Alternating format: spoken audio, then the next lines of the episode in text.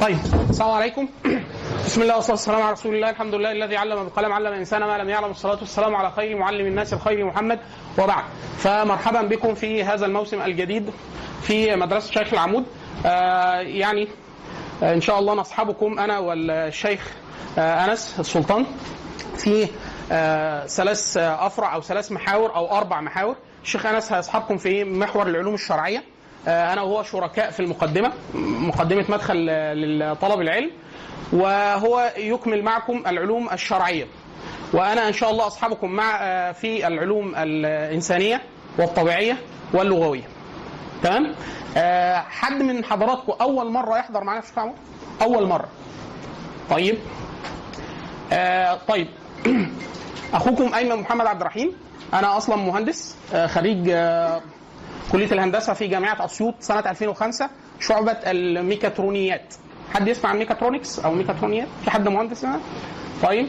آه بعد كده درست عدة علوم منها العلوم اللغوية. أنا دخلت كلية دار علوم حاليا في مرحلة الماجستير في مجال هندسة اللغة ودرست عده لغات عدة علوم يعني تقريبا 10 علوم تانية غير آه، آه، دار العلوم. بسبب إن أنا موجود معاكم في العلوم الإنسانية والطبيعية إني ان أنا درست مجموعة من اللسانيات والتاريخ وبعض العلوم الثانية زي علم النفس فأنا هكمل معاكم الموضوع ده والعلوم الطبيعية بسبب الخلفية ال- آه، الهندسية.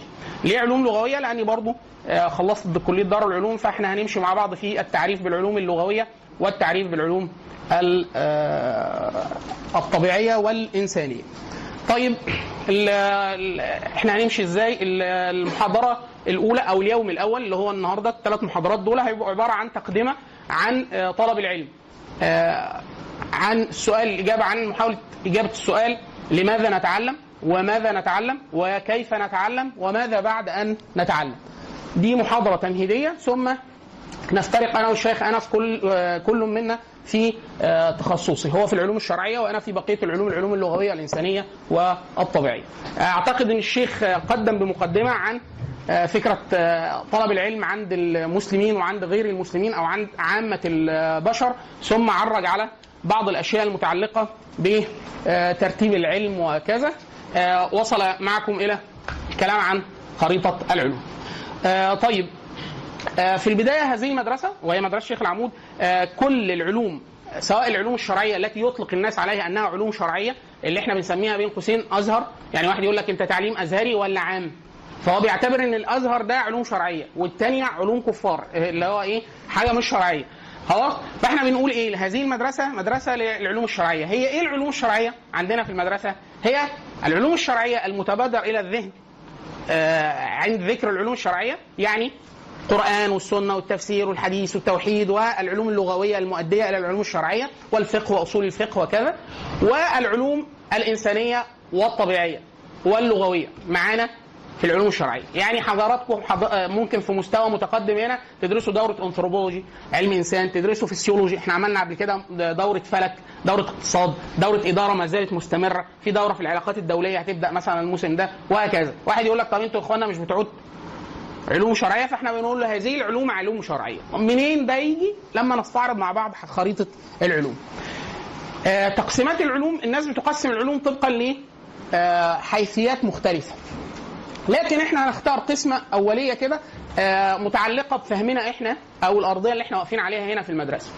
آه لو تصورنا إن المسلم طبقا للكلام اللي بدأ بيه الشيخ عن آه إيه المسلم مختلف في إيه عن غيره في طلب ال- العلم فاحنا بنقول المسلم ده في بعض الاختلاف فين حتى في نظرته لخريطة العلوم.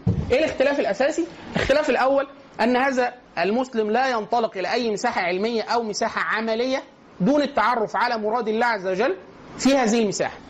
أن المسلم لا ينطلق إلى أي مساحة علمية ولا عملية يعني مش هيعمل حاجة سلوك أو فعل أو ولا هيتعلم شيء إلا لما يعرف حكم الله عز وجل أو مراده في هذه المساحة. فلو إحنا تخيلنا مع بعض كده مثلث وضعنا فيه المسلم في منتصف هذا المثلث وضعنا في قمة المثلث مراد الله عز وجل أو سؤال فهم مراد الله عز وجل. وأحد أركان المثلث الأخرى الكون العلوم المتعلقه بالكون والعلوم المتعلقة بالإنسان. هو العالم كله أو الكون كله الموجود فيه شيء متجاوز أو مباين للخلق وهو الله عز وجل وفي الكون نفسه. الكون ده يا إما إحنا البني آدمين يا إما أشياء أخرى. خلاص؟ فإحنا الأول قبل ما نتحرك بالعمل أو بالعلم حاجة متعلقة بالكون أو بالعمل أو بالعلم حاجة متعلقة بالنفس البشرية عايزين نط- ننطلق الأول لرأس المثلث نتعرف على مراد الله عز وجل اللي إحنا بنسميها العلوم الشرعية. ده المعنى الضيق للعلوم الشرعية. هنشوف ليه المعنى الواسع اللي إحنا بنقصده داخل معانا في العلوم الشرعية. فالمقصد الأول اللي أنا عايز أروح له عايز أروح له اللي هو إيه؟ مراد الله عز وجل. المسلمين في من أول بعثة محمد صلى الله عليه وسلم إلى مرورا بعصر تدوين العلوم واختراع العلوم داخل الحضارة العربية الإسلامية عملوا تقريبا 45 ل 50 علم شرعي. ال 45 علم دول أو ال 50 علم كلهم بيحاولوا يجاوبوا على سؤال ما هو مراد الله عز وجل من خلقه؟ تمام كده؟ طيب اللي هي إيه؟ مثال كده توضيحي. برضه في عدة تقسيمات لكن إحنا بنقول إيه؟ في قسمة ثلاثية. بنقول إن في علوم متعلقة بالمصادر مصادر اللي إحنا بنتلقى منها مراد الله عز وجل. إيه المصدر اللي أنا ممكن اعرف منه مراد الله عز وجل؟ الكتاب والسنة.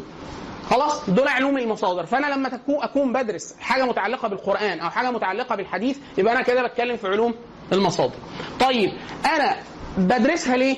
لمقصد أنا بحفظ بدرس القرآن ليه؟ عشان أحفظه عشان أعرف أنطقه عشان أعربه عشان أعرف الغريب معاني الكلمات اللي فيه كل دول بس آه ده في السكة بس مرادي النهائي إن أنا أفهم أفهم طيب اللي هو الفقه أو ال- الهدف النهائي من الكتاب والسنة اللي إحنا بنسميها علوم المقاصد، علوم المقاصد متعلقة إيه؟ بالفقه والتزكية والاعتقاد. الفقه اللي هو بيضبط بيه أفعال المكلفين والاعتقاد اللي بيضبط بيه تصوراتهم كما آه، قدم معكم الشيخ وعلوم التزكية اللي بيقصد بي- بي- بيضبط بها المشاعر والانفعالات والأعمال القلبية. خلاص كده؟ يبقى أنا عندي مصادر بستقي منها مراد الله عز وجل وعندي مقصد من هذه المصادر المصادر دي بتوديني ليه هو الفقه والاعتقاد والتزكية وأنا رايح كده مفيش أدوات بستعين بيها عشان أفهم يعني أنا معايا القرآن وإحنا حاليا مش عرب إحنا مستعربين يعني إحنا بنتكلم العامية العامية دي يعني حاجة مشوهة كده من العربية اللغة الفو... من اللغة العربية الفصحى. فلو حد... ح... قرينا القرآن طبقا لأفهامنا إحنا حاليا الموضوع هيطلع حاجة تانية خالص. زي مثلا لو ابنك الصغير أو بنتك الصغير أو أخوك الصغير أو أختك الصغيرة جالك في البيت وقال لك أق... الناس اللي أنقذوا سيدنا يوسف دول كانوا متقدمين جدا. فبتقول له ليه يا حبيبي كانوا متقدمين؟ يقول لك أصل جو أنقذوه هم راكبين عربية. ففين دي؟ يقول لك فجاءت سيارة. فبنقول له لا اللحظة سيارة اللي في سوره يوسف دي يعني قافلة بتسير مش سيارة العربية الأوتومبيل اللي إحنا بنركبها حاليا. فده مش ده ده مش ده. مين اللي بيقول ده؟ علم من علوم الوسائل. إيه علوم الوسائل؟ حاجة زي اللغة العربية. كل علوم اللغة العربية. ال 50 علم اللي هو إحنا ممكن هن هنقول اسمائهم وإحنا في ماشيين كده دول كلهم فيهم 12 علم من أصل ال 50 دول كلهم متعلقين باللغة العربية بس. 12 علم عشان اللغة العربية بس. ليه كل ده؟ عشان ده وسيلتك لفهم الكتاب. من غير عربي مش هتفهم. لا ربنا قال إيه؟ ولا النبي صلى الله عليه وسلم قال إيه؟ بل إن أنت تفهمه ان تتفقه فيه بل إنه يؤثر على قلبك أو تصورك أو سلوكك. تمام؟ علوم الوسائل إيه تاني؟ حاجة زي المنطق. حاجة حاجة زي أصول الفقه. عشان أنا أقدر أستنبط من القرآن أو السنة عايز أداة وسيلة. زي بالظبط لما حضرتك تكون مهندس فأقول لك إيه؟ الهندسة دي. علم إيه؟ فبتقول لي والله الهندسة مش علم. الهندسة دي تطبيق. إيه هو العلم الفيزياء علم الكيمياء علم أمال الهندسة دي إيه دي التطبيق بتاع العلوم الأساسية في العلوم الطبيعية طب التربية إيه واحد بيدرس تربية والله التربية مش علم أمال إيه؟ دي هندسه العلوم الإنسانية والاجتماعية، لو أنت عندك نظرية في علم النفس أو في اللسانيات أو علم الاجتماع وعايز تطبقها في بني آدمين أنا أجيب لك زباين أنت تربيهم بالنظرية الإيه؟ النظرية اللي عندك. خلاص فالهندسة هي تطبيق للعلوم الطبيعية، التربية هي تطبيق للعلوم الإنسانية والاجتماعية. كذا. علوم الوسائل اللي إحنا هنا بنستخدمها أنا في الفقه ده الهدف النهائي بتاعي أو العقيدة أو التزكية الأدوات اللي أنا رايح بيها دي تتضمن منطق وأصول ونحو وصرف وحاجات كتيرة جدا من علوم الوسائل. خلاص؟ ده الشكل العام للخريطة. علوم المصادر اللي هي متعلقة بالكتاب أو السنة. اللي هو إحنا بنسميهم علوم دايرة علوم القرآن ودايرة علوم الحديث. علوم المقاصد الاعتقاد والفقه والتزكية. علوم الوسائل المتعلقة ب الأدوات اللي أنا بستعين بيها إما في المساحة الفقهية أو العقلية زي المنطق وكل علوم العذرة وكل علوم العربية. وكل علوم العربية، طبعا إحنا عند التفصيل ممكن نقول إيه؟ إيه إحنا في المقام نقولهم. طيب نرجع تاني للمثلث اللي إحنا كنا عاملينه المثلث اللي إحنا كنا عاملينه. ال 50 علم اللي أنا هروح دول ابص عليهم في انهي دايرة؟ الثلاث دوائر دول إما مصدر إما مقصد إما وسيلة. طيب ممكن من باب التقسيم التبسيطي هم ست دوائر كبرى. الدائرة الأولى اللي إحنا بنسميها علوم القرآن. دي ممكن يوصلوا عشر علوم تقريبا. إيه العلوم اللي متعلقة بالقرآن؟ كل العلوم دي المسلمين كتبوها داخل الحضارة العربية الإسلامية. ليه كتبوا العلوم دي؟ دايما إحنا بنقول العلم بيدون ليه؟ أي علم بيدون ليه؟ إما إن أنت في ملكة معينة موجودة عند الناس فبتخاف إن كل أصحابها زي الملكة يموتوا. بمعنى الأستاذة العلامة الفاضلة أبلة نظيرة اللي عملت كتاب الطبيخ. ليه كتبته؟ كل الستات المحترفات في الطبيخ كانوا قربوا يموتوا. فلو ماتوا إحنا مش هنعرف ناكل محشي ولا ملوخية. فقالت إيه؟ أدون الملكة. يعني إيه الملكة؟ زمان الستات كان بتخ... بتطبخ trial and error يعني أيام التجريب عرفت إن في حاجة بتعملها كويسة. العلم ده لو صاحبته ماتت صاحبة الملكة. خلاص العلم راح. ليه كتبته؟ ده علم. اسمه علم الطبيخ. ده علم. وهنشوف يعني ليه ليه إحنا بنقول علم بصدر مرتاح كده. خلاص؟ نفس الحكاية السباحة. حضرتك تعرف تعوم؟ تقول لي آه. مين علمك؟ تقول لي لا ما حدش علمني بس أنا بعرف أعوم. يا ابني إزاي دي؟ يقول لك آه ارميني في الماء ما بغرقش. اهو بص. فهو كده اثبت لي إيه؟ ان هو فعلا بيعرف يعوم. علم السباحة ده مش متعلق بان انت بتعرف تعوم ولا لا. افرض كل الناس اللي بتعرف تعوم دي ما حدش فيهم قال لنا هو بيعوم إزاي. يقول لك تعالى اعمل زي اللي أنا بعمله. طب افرض ما عرفتش؟ ما أنا هموت. يعني افرض حاولت وما قدرتش. ممكن تكتبه نظري. حاليا أي علم من علوم السباحة. عايزين نتعلم سباحة؟ تلاقي فيه كورس نظري. ويقول لك المفروض الجسم والنظرية الأساسية اللي بتخليك تطفو وحركة الإيدين وإزاي تاخد النفس والأنواع المختلفة. ده في سباحة وش وفي ظهر وفي فراشة وفي صدر وهكذا. إيه ده؟ ده الملكة اتكتبت. يعني الناس اللي كانت تعرف تعوم إحنا كتبنا الملكة. النحو؟ هو طب العرب الفصحاء قبل ما النحو يتعمل كانوا إيه؟ ما بيعرفوش ينطقوا؟ لا هم كانوا بيكتبوا. بينطقوا بيتكلموا صح. طب هم كانوا إيه بقى اللي بيعملوه ده؟ ده الملكة. ملكة الفصاحة. إحنا عملنا إيه لما جينا كتبنا النحو والصرف وعلوم اللغة؟ كتبنا الملكة هم بيعملوها إزاي. فحضرتك دلوقتي لو عايز تعرف آه، جاء آه، محمد فأنا تقول إيه محمد؟ دي مض... ليه قلتها مضمونة؟ فبقول لك والله دي الملكة اللي العربي كان عاملها. إحنا جردنا لها علم اسمه نحو ده بيسموه لغة واصفه وقلنا ده بيتعمل إزاي؟ فأنت حاليا تعرف تتعلم اللغة العربية. طب أنا ما أعرفش. أنا ما أعرفش طب. حاليا دلوقتي كل الخبرة الممارسة من لدن أول ما البشر قالوا يا بشر لغاية دلوقتي اتكتبت. إيه اللي كتبناه في الطب؟ هو ده الملكة. زمان كان في ناس عندها ملكة بقت الملكة دي مضبوطة وطبقا لها مناهج وحاجة مظبوطة اتكتبت. وهكذا بقية العلوم. فإحنا عندنا العلوم في الإسلام اتكتبت كده. إما علم هي ملكة موجودة أو لغة واصفه لحاجة إحنا احتاجنا لها احتاجنا لها جديدة بسبب الوحي. مثال علوم القرآن. علوم القرآن. اللي تو- توصل يمكن 10 علوم ولا حاجة م- بتعمل إيه؟ إيه هدف علوم القرآن؟ أنا حاليا دلوقتي إحنا بيننا وبين النبي صلى الله عليه وسلم آه 1400 سنة آه شاي لو سندوتشات لحمة أنا ما يعني آه آه ثلاث معايا 1400 سنة حاليا دلوقتي وإحنا بنقرأ القرآن تقدر تحلف إن أنت اللي بتقراه ده زي ما النبي قراه؟ فاحنا بنقول إيه؟ آه أي واحد مجاز إجازة بسند متصل للنبي صلى الله عليه وسلم يقدر يحلف إن نفس اللي اراه ده هو اللي اراه النبي. تحلف؟ آه أحلف. ليه؟ لأن أنا قرأت على شيخي، قرأ على شيخه، قرأ على شيخه لغاية النبي صلى الله عليه وسلم، أي واحد بيقرأ باسناد متصل بينه وبين النبي مثلا 29 واحد حاليا في الاسانيد العالية 28 أو 29 بينه وبين النبي في القرآن 29 واحد أو 28 يعني هو سمع شيخه اللي سمع شيخه اللي سمع شيخه اللي سمع الصحابي اللي سمع النبي. خلاص طيب إيش ضمنك إن هم بينطقوا كده فعشان نبقى ضامنين في علم بيصف مخارج الحروف والحرف العربي بيتنطق إزاي؟ فأنا حاليا لو عايز أنطق صاد ممكن تقول لي بتتنطق إزاي؟ من غير ما تقول لي اعمل زيي لأن أنت مش عربي فصيح. فتقول لي بتتنطق إزاي؟ ده علم اسمه التجويد. عشان نضمن إن القرآن إن إحنا بننطقه بننطقه زي ما العرب كانوا بينطقوا القرآن.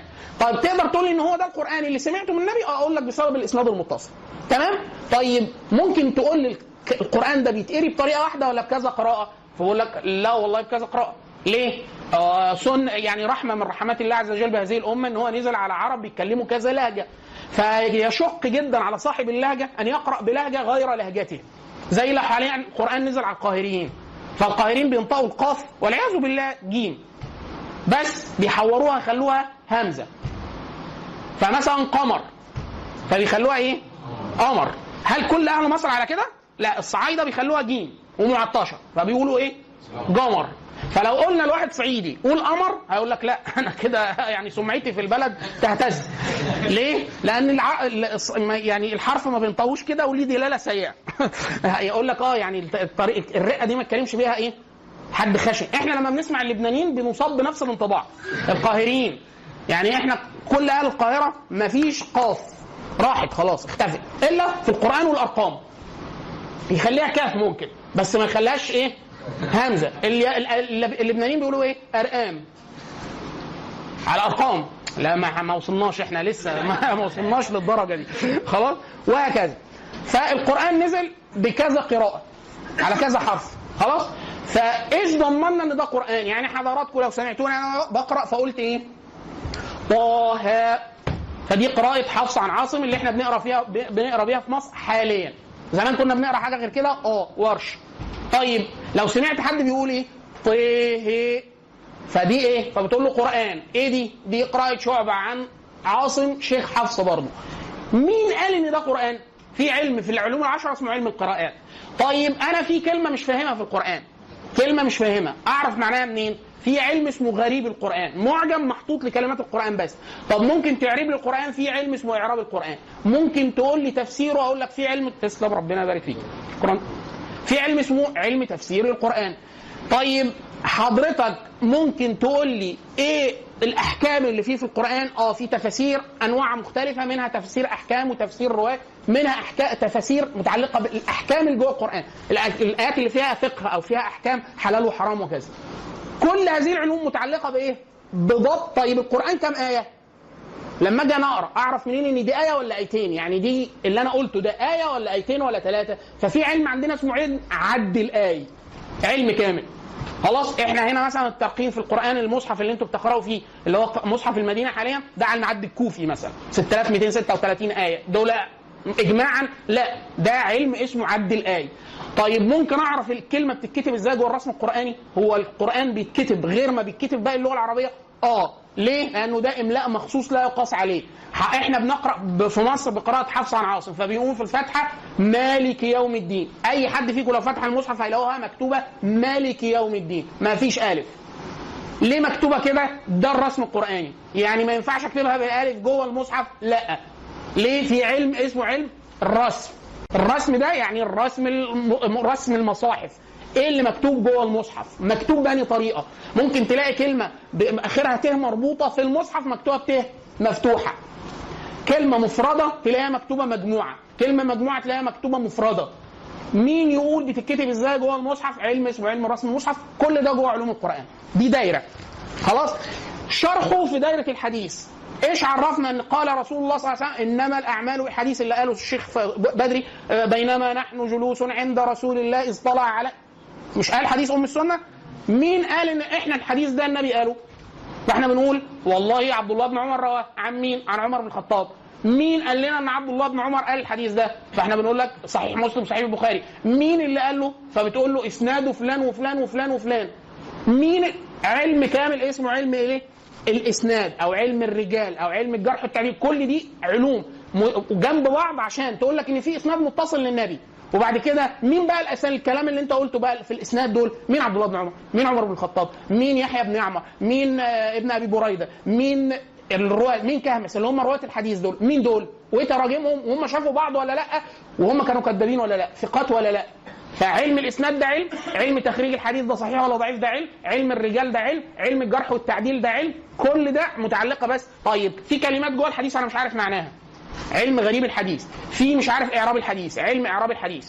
طيب ممكن تقول لي آه فقه الحديث شرح الحديث تلاقي فيه كتب متعلقة بشروح كتب السنة الكبيرة. هو القرآن كان بينزل من سيدنا سيدنا محمد يعني يتلوه آه. يعني الكتابة اللي اتكتبت دي جت إزاي؟ الصحابة لما النبي صلى الله عليه وسلم أخونا بيسأل بيقول القرآن كان ينزل على قلب محمد من جبريل عليه السلام.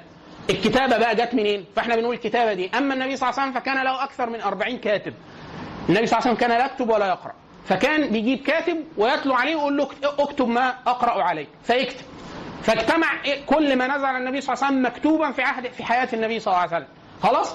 وكان عشان الصحابة متوافرين وكل الناس حافظة وخلاص فما كانوش محتاجين إن هم إيه والعرب كانت أصلا أمة شفهية يعني بتنقل أي شيء بالأسا... بال... بال... بالسماع. الشعر كده الأخبار كده الخطب كده القرآن والحديث كده. خلاص؟ لما دون في عهد النبي صلى الله عليه وسلم انتبهوا إن فكرة إن التدوين دي مهم. لما بدأت حروب الردة بعد وفاة النبي صلى الله عليه وسلم الست شهور أو السبع شهور بعد وفاة النبي صلى الله عليه وسلم لأن حروب الردة لم تطل. ست شهور بس أو سبع شهور بعد حياة النبي صلى بعد وفاة النبي صلى الله عليه وسلم. فأخبر الصحابة أبو بكر الصديق رضي الله عنه خليفة النبي أن القتل قد استحر بحفظة القرآن. كثر جدا القتل في الحفظة. فقالوا له إحنا كده ممكن في حاجات يكون هو اللي حافظها وعدد قليل جدا اللي حافظها تاني فخافوا إن في آيات تضيع. خلاص؟ فقالوا إحنا نعمل إيه؟ نجمع المكتوب بحيث نضمن إن المكتوب هو اللي محفوظ مفيش أي حاجات ناقصة. فجمعوا المكتوب في عهد رسول الله في عهد أبو بكر الصديق. فظل هذا المكتوب اللي مكتوب في عهد النبي صلى الله عليه وسلم بس جمع على أعين الصحابة يعني هو ده الم... هو ده مفيش آه اللي اتنسخ اللي, اتن... اللي اتنسخ اتنسخ اللي مش مكتوب مكتوب خلاص هو ده القرآن مفيش حاجة تانية؟ آه ثم حفظ عند أحد أمهات المؤمنين. ده في خلافه أبو بكر. يعني بس الكتابة نفسها. الكتابة كانوا يكتبون كما تكتب العرب. يعني كتابة المصحف ديت نفس العرب لا الكتابة الحديثة دي لا العرب لم تكن تكتب بالنقط ولا بالحركات ولا بأي حاجة من كده. لكن المدود دي ألف ولا مش ألف ولا بتاع آه ده حتى الرسم القديم إحنا حاليا نعرف هو مكتوب إزاي. الرسم الأول. يعني إحنا حضراتكم دلوقتي لو كتبنا مثلا حيث حاء وياء وسين. أنتوا بتعرفوا إن دي منين؟ ح مش جيم مش خ بسبب نقط اسمه نقط الإعجام. إن دي جيم أو خ أو ح م- مهملة. خلاص النقط ده ما كانش موجود عند العرب. فالمصحف الأول المكتوب في عهد النبي صلى الله عليه وسلم بلا نقط مفيش نقط خلاص واحد يقول لك طب انت هم عارفين منين حيث ما هم كانوا بيحفظوا؟ هم حافظين وحافظين عن النبي. وعشان دي مجموعة كلها دي لغتها وده القرآن اللي قاعدين اللي بيقروا ليهم 23 سنة فعارفينه. لما دخل غير العرب في الإسلام قال لك استنى لحظة هيعكوا الدنيا خالص من غير نقط. فمش هيبقى عارف أي حاجة. فقال لك استنى شوفوا لنا طريقة. فابتكر نقط الإعراب الأول. الإعراب اللي هو إيه؟ هي دي مضمومة ولا مكسورة ولا مفتوحة؟ أنتوا بتعرفوها إزاي؟ غير العربي ما يعرفش؟ فحطوا له نقطة فوق الحرف المفتوح ونقطة تحت الحرف المكسور ونقطة بين هذا الحرف المضموم بلون حبر مغاير. فكنت تلاقي نقطة حمراء فوق تحت بتاع ده مكان الفتح. حتى الآن اللغة العبرية ما زالت ال- الحركات بالنقط. يعني ما اتطورتش زي العربي بقت شد فتحه وضمة وكذا بعد فترة قال لك ده هم مش عارفين يميزوا الحروف من بعض. مش عارفين الجيم من الخاء من التاء ده فقال لك اعمل طريقة تانية. فعملوا نقط الإعجام. فدخل نقط الإعجام في الإعراب. قال لك لا طوروا طريقة أسهل. فقالوا خلوا نقط الإعجام زي ما هو وطوروا الحركات. الضمة دي من جنس الواو. حطوا واو صغيرة فوق الحرف المضموم الفتحة دي فتحة آه، من جنس الألف. عصاية كده. حطوا عصاية مايله فوقها تبقى مفتوحة. الكسرة حطوا عصاية مكسورة تحتها وبعد كده مع التطور الخط العربي والكتابة اتعملت الشدة والسكون اللي هي لا حركة. وبعد كده طبعا إحنا حاليا ده إحنا ملونين المصحف وحاطين آه، مدود آه، آه، مقدار المدود وحاطين الكلمة ومعناها في الهامش وحاطين روابط active link عشان نسمعها مقروءة إزاي؟ حالتنا صعبة قوي دلوقتي. خلاص؟ كل ما حاجة تضاف على المصحف تعرفوا إن في ملك اختفت من الناس. ما دام إحنا كتبنا المد طوله قد إيه لو شفته pink يبقى كذا لو شفته بنفسجي إيه السبب؟ إنه مش كل الناس تعرف إن في أحكام تجويد. ومش كل الناس تعرف يقف فين فكاتب لك تقف فين. ومش كل الناس عارفة عدد الآيات فكاتب الآيات. زمان المصحف ما كانش في كده. ولا مقسم أرباع ولا أحزاب ولا الكلام ده. كله ده من الحاجات الضابطة عشان الموضوع إيه؟ كل مدى بيصعب. لحظة واحدة. هاخد أسئلة. خلاص يا إخوانا نرجع تاني للمثلث. الدايرة الأولى من مرادات الله عز وجل بنعرفها إزاي؟ من علم القرآن الكتاب. والحديث شرحه. طيب عرفنا النصين اللي هم المصادر. عايز افهمهم والله يا فندم مش هتفهم ولا كلمة عشان انت مش عربي. ففي عندنا 12 علم للغة العربية. عشان بس حضرتك تفهم كما فهمه العرب الأوائل. طيب إيه علوم العربية؟ عندنا ثلاث دوائر من علوم العربية. علوم بنسميها علوم الصحة وعلوم بنسميها علوم التعرف على الجميل وعلوم بنسميها علوم أداء الجميل. إيه التعرف؟ إيه الصح... إيه الصحة دي؟ إيه علوم الصحة؟ واحد ان انت تنطق صح. تنطق صح. فلو واحد عربي سمع واحد قاهري بيقول قمر هيعرف إن هو بينطق قمر غلط. خلاص؟ اللي هو علم التجويد. خلاص؟ طيب هو طبعا ألصق بعلوم القرآن عشان إحنا بنتعلمه عشان القرآن لكن هو في الأصل علم من العلوم العربية اسمه علم الأصوات. تمام؟ ده علم. الصحه صحة الصوت. عرفته بعد كده صحة البنية. واحد اسمه محمد. فإحنا ليه بنقول محمد؟ يعني إحنا في العامية بنقول إيه؟ محمد. وطبعا أحيانا الدال بتختفي في العامية في بعض المناطق. خلاص؟ في محمة في الصعيد وفي محمد وحط تحويرات مدود إضافية بقى في مناطق مختلفة في القاهرة. خلاص؟ فال ضاع المصطلح ضاع. فإحنا إيش عرفك إن محمد عليها ضمة. الميم مو. مين قال كده؟ ده علم الصرف. يا أصلا الجذر اسمه محمد نجيب منه اسم مفعول. و- إيه إيه القصة بقى اللي أنت قلتها؟ دي علم من العلوم متعلق بضبط البنية ما عدا الحرف الأخير. فايش عرفك ان مو ح م مين قال لك إن ده مفتوح وده مشدد مفتوح؟ مين؟ كل ال- ال- الح- الحركات قبل الحركة الأخيرة ده اسمه علم الصرف. صحة البنية. طب صحة الدلالة يعني إيه محمد؟ بقول لك آه يعني محمود يعني. يعني اسم المفعول معنى اسم المفعول. هو ده؟ آه. مين قال لك كده؟ علم. اسمه إيه؟ صحة الدلالة. صحة الدلالة المفردة اللي هو المعجم. عرفت ان هو صحيح. أعمل إيه؟ حطها في جملة. محمد رسول الله صلى الله على محمد. خلاص؟ تعرف منين إن محمد رسول الله؟ ليه قلت رسوله فبقول لك ده علم التراكيب علم النحو. لما تحطهم في جملة تعرف تركبهم إزاي مظبوط وتحط الحركات. العربي الأول لو سمعك ما يقومش يضربك قلمين. يبقى كده أنت ماشي إيه؟ مظبوط. يبقى علم صحة الصوت صحة البنية صحة التركيب صحة الدلالة المفردة صحة التركيب. خلصنا؟ لا. صحة التراكيب المخصوصة. يعني إيه؟ حضرتك هتبقى قاعد الملكة يعني ده يعني رايق مبسوط بتاع متقمص شخصية شاعر أو أخت قاعدة مبسوطة ومتقمصة شخصية شاعرة وتروح قايلة كلمتين ورا بعض تقول لك أنا قلت شعر النهارده. وتقول أي كلام ورا بعض. فإحنا بنقول لها والله الشعر ده علم. هو ملوش أهل يسألوا عليه الشعر ده. ليه أهل خلاص؟ فإحنا العرب لا تقول على الشعر شعرا إلا إذا كان يلتئم على وزن من 16 وزن فقط. طب مين العلم اللي بيقول إن لما أقول جملة كده تتعرف إن دي شعر مش أي كلام؟ علم اسمه علم العروض والقافية. علم العروض والقافية ده ولا بيضبط صحة التراكيب المخصوصة. فأنا لما أقول لك عبارة توزنها بقواعد مخصوصة جوه الفن لو حطيتها على وزن من 16 وزن موسيقي أو إيقاعي ما اتظبطتش يبقى إيه؟ مش شعر. كذا كذا. آمن بعض العرب بالقرآن. سيدنا أنيس أخو سيدنا أبو ذر الغفاري عارفين أبو ذر الغفاري الصحابي؟ أخوه. أنيس كان شاعر فحل في الجاهلية. فهم من غفار حتة شمال مكة على الساحل ما يعرفوه فسمعوا بإن النبي في واحد بيدعي ان هو نبي. فسيدنا أبو ذر الغفاري قبل أن يلقى النبي صلى الله عليه وسلم سأل سيدنا أنيس أخوه قال له هل سمعت بالرجل الذي يدعي أنه نبي؟ قال نعم. ورأيته. شاف النبي وسمعه في مكة راح له. فقال له فما تقول؟ فقال يقولون شاعر. هم بيقولوا عن النبي شاعر. كده إحنا إيه؟ عرفنا التهمة. شاعر يعني بيقول إيه يا مولانا؟ شعر خلاص والشعر ده ملوش أهل يسألوا عليه. ليه أهل يسألوا عليه؟ ليه أوزان؟ فقال إيه؟ فكان يعني أنت إيه بقى شفت إيه؟ فقال وضعت كلامه. أي كلام النبي يعني القرآن يقصد. وضعت كلامه على أقراء الشعر فلم يلتئم على شيء منها وهو صادق وإنهم لكاذبون. يعني هو عرفته من عرف منين النبي صادق؟ من علمه بالملكة والعروض ما اتعملش غير متأخر بعد كده وإحنا بنألف العلوم داخل الحضاره العربيه الإسلامية.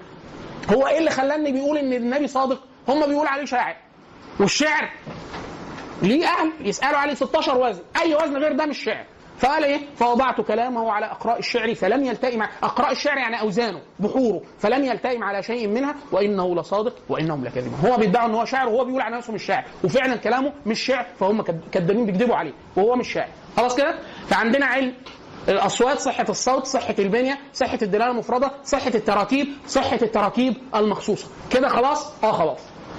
أنت كده تعرف تقول أي حاجة فصيحة؟ لا. تعرف تتبين موضع جمال اللغة العربية؟ برضه لأ. أنت كده تقول الكلام الصح بس. تعرف. إيه؟ تعرف. تعرف الصح بس. خلاص. ممكن تقوله. ممكن. بس يبقى صح. زي إيه مثلا؟ أعلمك نحو. تقول لي آه أنا أقول لك جملة حلوة. فتقول لي خلق الله الإنسان. نحو دي مظبوطة. خلاص. لو واحد عربي سمعك يقول لك هو اللي بيتكلم ده أعجمي؟ طب ما أنا قايل جملة صح. ما أنتوا بتكذبوا علينا ولا إيه؟ لا العربي ما يقولش كده. العربي لو قال كده يبقى بيكلم ملحد. أو هو شاك. أو بيدعي إن أنت ملحد. يقول خلق الإنسان على طول. ما إيه حاجة لذكر الفاعل وهو بدهي في حد يجيب سيره الفاعل وهو بدهي ما تقولش كده. قول خلق الإنسان. عشان كده إيه؟ ما هو ربنا هو الأخ ملحد بقى ولا إيه؟ يعني إيه؟ فالجمله ده بيدرس فين؟ في المستوى الثاني اللي بيسموه مستوى إيه؟ التعرف على الجميل. أنا عايز مستوى من مستوى جميل وفصيح من العربية. أعرفه إزاي ده؟ علوم الجمال التعرف على الجميل كل ده مش هتقول لسه هتتعرف بس. علوم البلاغة اللي هو البيان والبديع والمعاني المعاني والبيان والبديع ده اللي إحنا هندرسه مع بعض إن شاء الله في أثناء ده علوم العربية.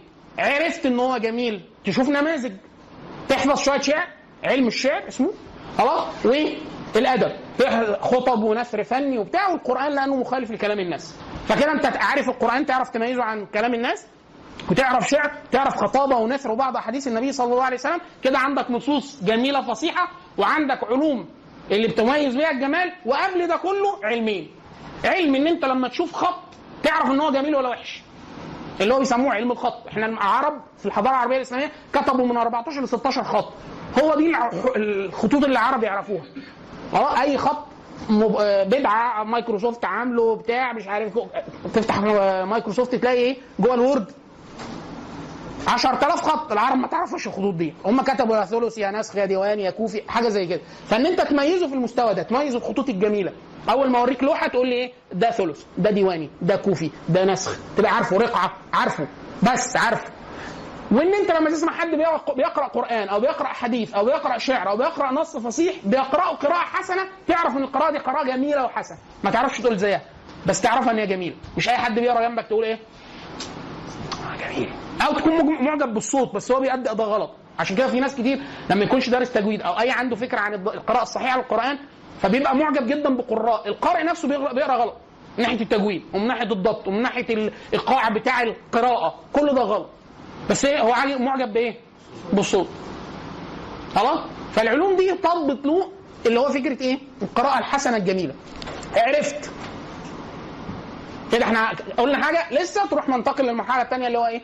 الأداء الجميل. عايز بقى أتكلم بكلام على سنن العرب في كلامي، كلام فصيح، أقوم أخطب خطبة الجمعه، أقوم أقول خطبة مؤثرة، مش أقول أنا أنا أنشئه من عندي، فعلم اسمه كتابة اسمه علم الإنشاء اللي إحنا بنسميه الإنشاء. مش يقول لك إحنا نكتب موضوع إنشاء، ده اسمه علم الإنشاء. لو أنت هتحاضر ده اسمه علم المحاضرة. علم المحاضرة والأداء بتاع كل المستويات السابقة. يعني خلاص انت عرفت الخط الجميل تتعلم خط تكتبه بقى. علم الأداء الصوتي انت تقرأ قرآن قراءة مجودة ومرتلة صحيحة جميلة وتقرأ الشعر آه بنفس القراءة والحديث والمنثور أو تقرأ حتى اسمه إيه ده نشرة أخبار بس تقرأ قراءة يعني إيه مؤثرة مهمة كده. خلاص؟ والاداء ال- والأداء الخط وأداء الصوتي والإنشاء والمحاضرة الكتابة إن أنت تنشئ كلام من عندك مش من محفوظة. وإلا هيبقى إيه؟ أنت مجرد بتسجل حافظ حاجة. والمحاضرة برضو تحاضر إما تحاضر أو تكتب بكلام من عندك. يبقى كده دايرة القرآن دايرة الحديث دايرة علوم العربية ودايرة علوم المق... علوم الفقه اللي إحنا بنسميه الفقه المذهبي. أي مذهب من مذاهب المسلمين السنة المعروفة والفقه المقارن المقارنة ما بين هذه المذاهب لمعرفة فيما اختلفوا ليه اختلفوا أصلا؟ خلاص فده بيسموه علم ال- ال- الفقه المقارن أو المقارن وعلم الفرائض اللي هو المواريث ده جوه الفقه بس مفرد لوحده عشان مهم وفقه القضاء مفرد لوحده عشان مهم وإن كان موجود جوه الفقه وفقه النوازل المسائل الجديدة اللي بتطرح على المسلمين لم يراها العلماء السابقون. آه، وفقه فقه النفس اللي هو فقه الأدب ال- الأدب الأدب والأخلاق وكذا وده من أعلى درجات الفقه على الإطلاق بل هو المقصد النهائي آه، هو تزكية النفس بعلوم الشريعة بالوحي القرآن والسنة. تمام؟ بعد كده علوم بيسموها علوم التاريخ والتراجم والسير. أنا بقول لك إيش عرفك ان في محمد صلى الله عليه وسلم؟ إيش عرفك ان في صحابة؟ إيش عرفك ان في رواة أصلا؟ مين قال لك ان دول موجودين؟ ما ممكن يكون حد ضحك عليك وكل ده كله فتقول لك لا والله هم كانوا عارفين ان في واحد غلس هيجي يسأل السؤال ده ففي علم كامل علم واثنين وثلاثة يصلوا خمس ست علوم متعلقين بالتواريخ بنسميه علم التاريخ العام اللي هو إيه؟ كل تاريخ البشر حتى غير المسلمين. وعلم التاريخ الإسلامي المسلمين. وعلم السيرة المتعلقة بسيرة خي... سيد البشر هو محمد صلى الله عليه وسلم. فعشان تعرف النبي عمل إيه صالح إزاي حارب إزاي هدم إزاي دعا إزاي وهكذا. أحواله سنته هيئته شكله آه، اتجوز إزاي كان بيعامل زوجاته إزاي بيعامل الناس إزاي بيعامل الأطفال إزاي وهكذا. سيرة النبي صلى الله عليه وسلم. بعد كده التاريخ الاسلامي بقى إيه؟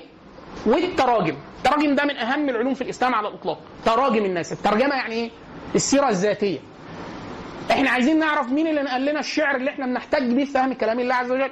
إحنا عايزين نعرف مين العلماء مين خليل ابن احمد مين السيب مين سيبويه مين علماء علماء القرآن القراء اللي نقلوا لنا القرآن مين علوم علوم آه، علماء الفقه مين ابو حنيفة مين مالك مين الشافعي مين احمد إيه اهميتهم في الاسلام إيه تراجمهم مين الصحابة كيف ثبتت صحبتهم مين التابعين مين كل هذا موجود في علوم التراجم والتاريخ والسير.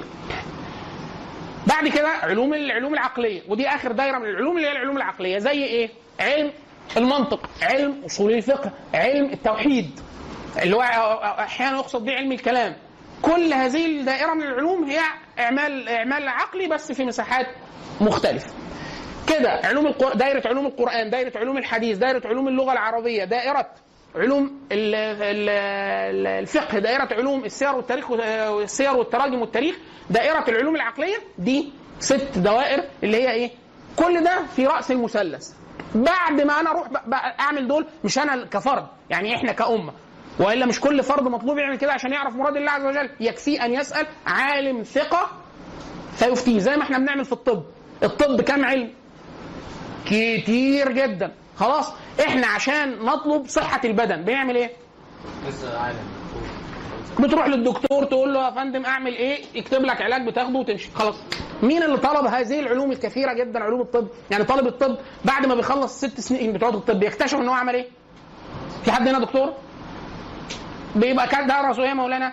أساسيات الطب المدخل. إحنا كل ده كنا في المدخل. هم بس هم ما بيقولولكش كده غير يعني عشان ما ي... يعني هم بيعملوا زبون الأول. يعني بيورطوك فتلاقيه درس إيه؟ درس كيمياء كيمياء حيوية. علم وظائف الأعضاء. تشريح. أنسجة. أمراض. طب إحنا هنخش في الموضوع إمتى؟ مش عارف. فارما أدوية. يا اخوانا أطفال. بعد ما يخلص يقول لك إيه؟ شفت دول؟ آه دول اساسيات تحب تتخصص إيه بقى؟ يقول لك مش عارف. تعالى سنة كاملة امتياز. شوف كل التخصصات. بعد كده دلوقتي أكيد من اللي إحنا عملناه فيك تبينت هتتخصص إيه. روح اتخصص بقى وحسبنا الله ونعم الوكيل. خلاص كده؟ وهكذا. لكن أنا في الآخر لما بطلب معلومة طبية بروح لدكتور ثقة. ما عجبنيش. أو أنا شاكك إن هو ثقة. بسأل ثلاثة أربعة تانيين. لو كلهم قالوا حاجة واحدة يبقوا متفقين وأعمل اللي في دماغي برضه. خلاص كده؟ طيب. ما إحنا من الناس ما تصدقش بسهولة. طيب خلينا سيبكم من ده لأنه هيجي في الفقه مع الشيخ. خلاص يا إخوانا دي القصة اللي إحنا كنا بنحكي فيها. مثال على العلوم اللغوية. إحنا قلنا ثلاث مستويات آه، مضمن فيهم التعرف على الجميل وأداء الجميل.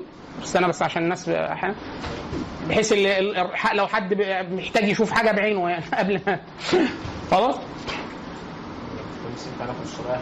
آه كل ما كل شيء متعلق بالدورات مرفوع مسبقا على مجموعات الطلبة. يعني في رابط على ال Drive محطوط فيه إيه؟ جميع التسجيلات الصوتية لجميع الدورات دي في المواسم السابقة. ومعاها الشرائح اللي إحنا بنستخدمها اللي هي ال PowerPoint موجودة أصلا مرفوعة قبل كده. طب الموسم الجديد واحد يقول لك طب أنا ناوي أغيب المحاضرة الجاية. إحنا هنسيبه؟ لا وراه فهيخش على الرابط بتاع المجموعة الحديثة بتاع الموسم الجديد فيشوف هيلاقي المحاضرة واسم المحاضر و أنهي مجموعة مجموعة مصر الجديدة ولا مجموعة التطبيقيين وهكذا. وده أنهي موسم. تمام؟ دي العلوم اللي إحنا كنا بنتكلم عليها دايرة العلوم اللغة العربية. طيب أنا خلصت فهمت مراد الله عز وجل من دائره العلوم المتعلقة بال- بالعلوم الشرعية اللي هي بالمعنى الضيق. أعمل إيه بقى؟ أروح فين؟ هروح يتعامل مع الإنسان يا مع أي حاجة دون الإنسان. فلو هروح دائرة العلوم الإنسانية هدرس إيه؟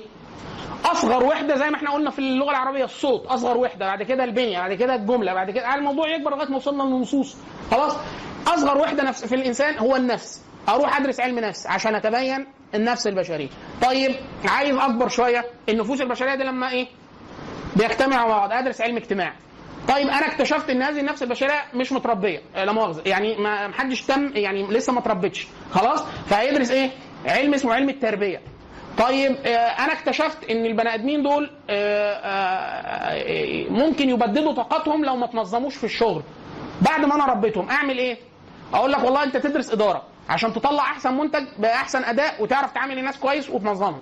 طيب أنا عايز أعذب الناس قصدي يعني أسوس الناس فقانون أو سياسة مثلا. خلاص؟ طيب آه آه، عايز آه منعا آه الإنسان بطبعه هراي.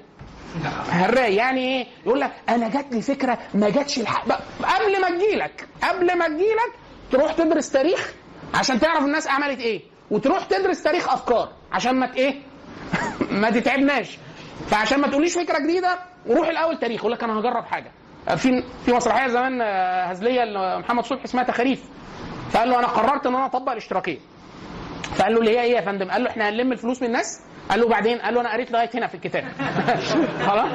فهو الفكرة في إيه؟ قبل ما تطبق حاجة آه، سلوك عمل تاريخ مش عارف تجربة إصلاح اقتصاد اقرأ تاريخ. إيه اللي حصل؟ قبل ما تتولد عشان مرارتنا قصدي يعني عشان توفر وقت ومجهود وإيه؟ خسائر. قريت تاريخ تقرأ تاريخ الأفكار اللي هم بيسموه الفلسفة. تعرف الناس يقول لك إيه؟ ما ممكن يكون الفكرة دي ما جاتش على بال حد قبل كده. طب ما منعا برضه المراره وصحتنا ولياقتنا وبتاع ما تروح تقرا فلسفة.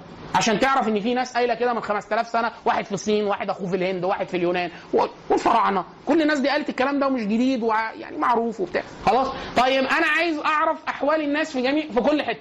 أحوال الإنسان كل الإنسان في الأرض كل الأرض في الزمان كل الزمان. آه الناس كانت بتلبس إيه في حضارة ال- الأزتك في أمريكا اللاتينية؟ ممكن؟ آه في. علم إيه؟ الأنثروبولوجي. علم الأنثروبولوجي أو علم الإنسان كل شيء متعلق بالإنسان. ثقافته لبسه أكله شربه نظمه الزواج والعلاقات والنظم السياسية والتقاليد الاجتماعية في أي حتة وبالذات المجتمعات القديمة. إحنا اخترنا حضارة بائده حضارة الإنكا حضارة الأزتك في أمريكا اللاتينية الحضارة الفرعونية آه، بعض الحضارات البائدة وهكذا. خلاص كده؟ طيب آه في حاجة تانية قال لك عايزهم يخلصوا على بعض. علم الاستراتيجية أو العسكرية. ده كله داخل معانا فين؟ طيب المست... المجموعة الناس لما بيجتمعوا ويعملوا يمارسوا نشاط اقتصادي. آه، يبقى في- في- فيها فلوس روح على علم الاقتصاد. كده انت مبسوط؟ آه درست اللي حوالين الإنسان. بس في حاجات تانية في الكون غير الإنسان. طيب روح أصغر وحدة في الكون إيه؟ والله على حسب. عايزها وحدة حية ولا ميتة؟ لو هي مش حية يبقى الذرة. طيب الذرة دي حاجة لوحدها أدرسها فين؟ في الفيزياء. طب الذرات دي مجموعات مختلفة وهيتفاعلوا مع بعض كيمياء. طيب ممكن نتجاوز المرحلة الصغيرة دي؟ بدل ما هم صغيرين ممكن نكبر شوية. آه ممكن جغرافيا ممكن جيولوجيا. طب أنا زهقت من الكوكب ممكن حاجة غير الكوكب؟ آه في فلك. ممكن زهقت من الفلك. في علم الكون أو علم الفضاء. كل ده من العلوم اللي إيه بتدرس طيب أصغر وحدة في الجانب الحي؟ microbiology طب أكبر منها شوية؟ بيولوجي. ما تزعلش. أكبر شوية حيوان أو نبات. طب حضرتك شايف نفسك إيه؟ أنا كمسلم شايف إن أنا لا حيوان ولا نبات. أنا إنسان. يعني حاجة متميزة. فعايز تدرسه لوحده تدرسه بقى. علم الطب وتدرس حاجات تانية في العلوم. شايفه مش مش ملحق بالحيوانات والنباتات؟ مش. شوف بقى صنفه تاني. طيب البني آدم ده هيعيا؟ الحيوان هيعيا؟ النبات هي- هيعيا؟ تدرس له إيه؟ الأمراض اللي بتطرح على كل دول. خلصنا كده؟ لا ما لسه ما خلصناش. كده كل ده إحنا بندرس الظواهر الأساسية. عايز أعمل تطبيقات على هذه الأشياء. التطبيقات في العلوم الإنسانية في التربية. التطبيقات في العلوم الطبيعية. الهندسة. الهندسة.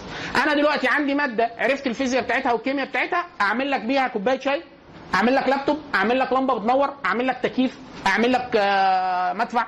اعمل لك طياره اعمل لك دبابه اعمل لك غواصه اعمل لك مكوه كل مين اللي بيعمل ده؟ الراجل المهندس. خلاص كده؟ طيب. إيه بقى؟ العلوم الإنسانية. معظم الحاجات اللي إحنا عدينا عليها. و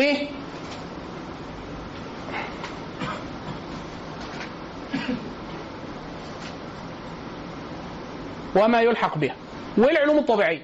العلوم الطبيعية اللي هي اللي إحنا قلنا الحاجات الأساسية والعلوم التطبيقية اللي هي المتعلقة بالهندسة أو ما يقاس عليها. لأن الموضوع وسع دلوقتي جدا. خلاص كده يا إخوانا؟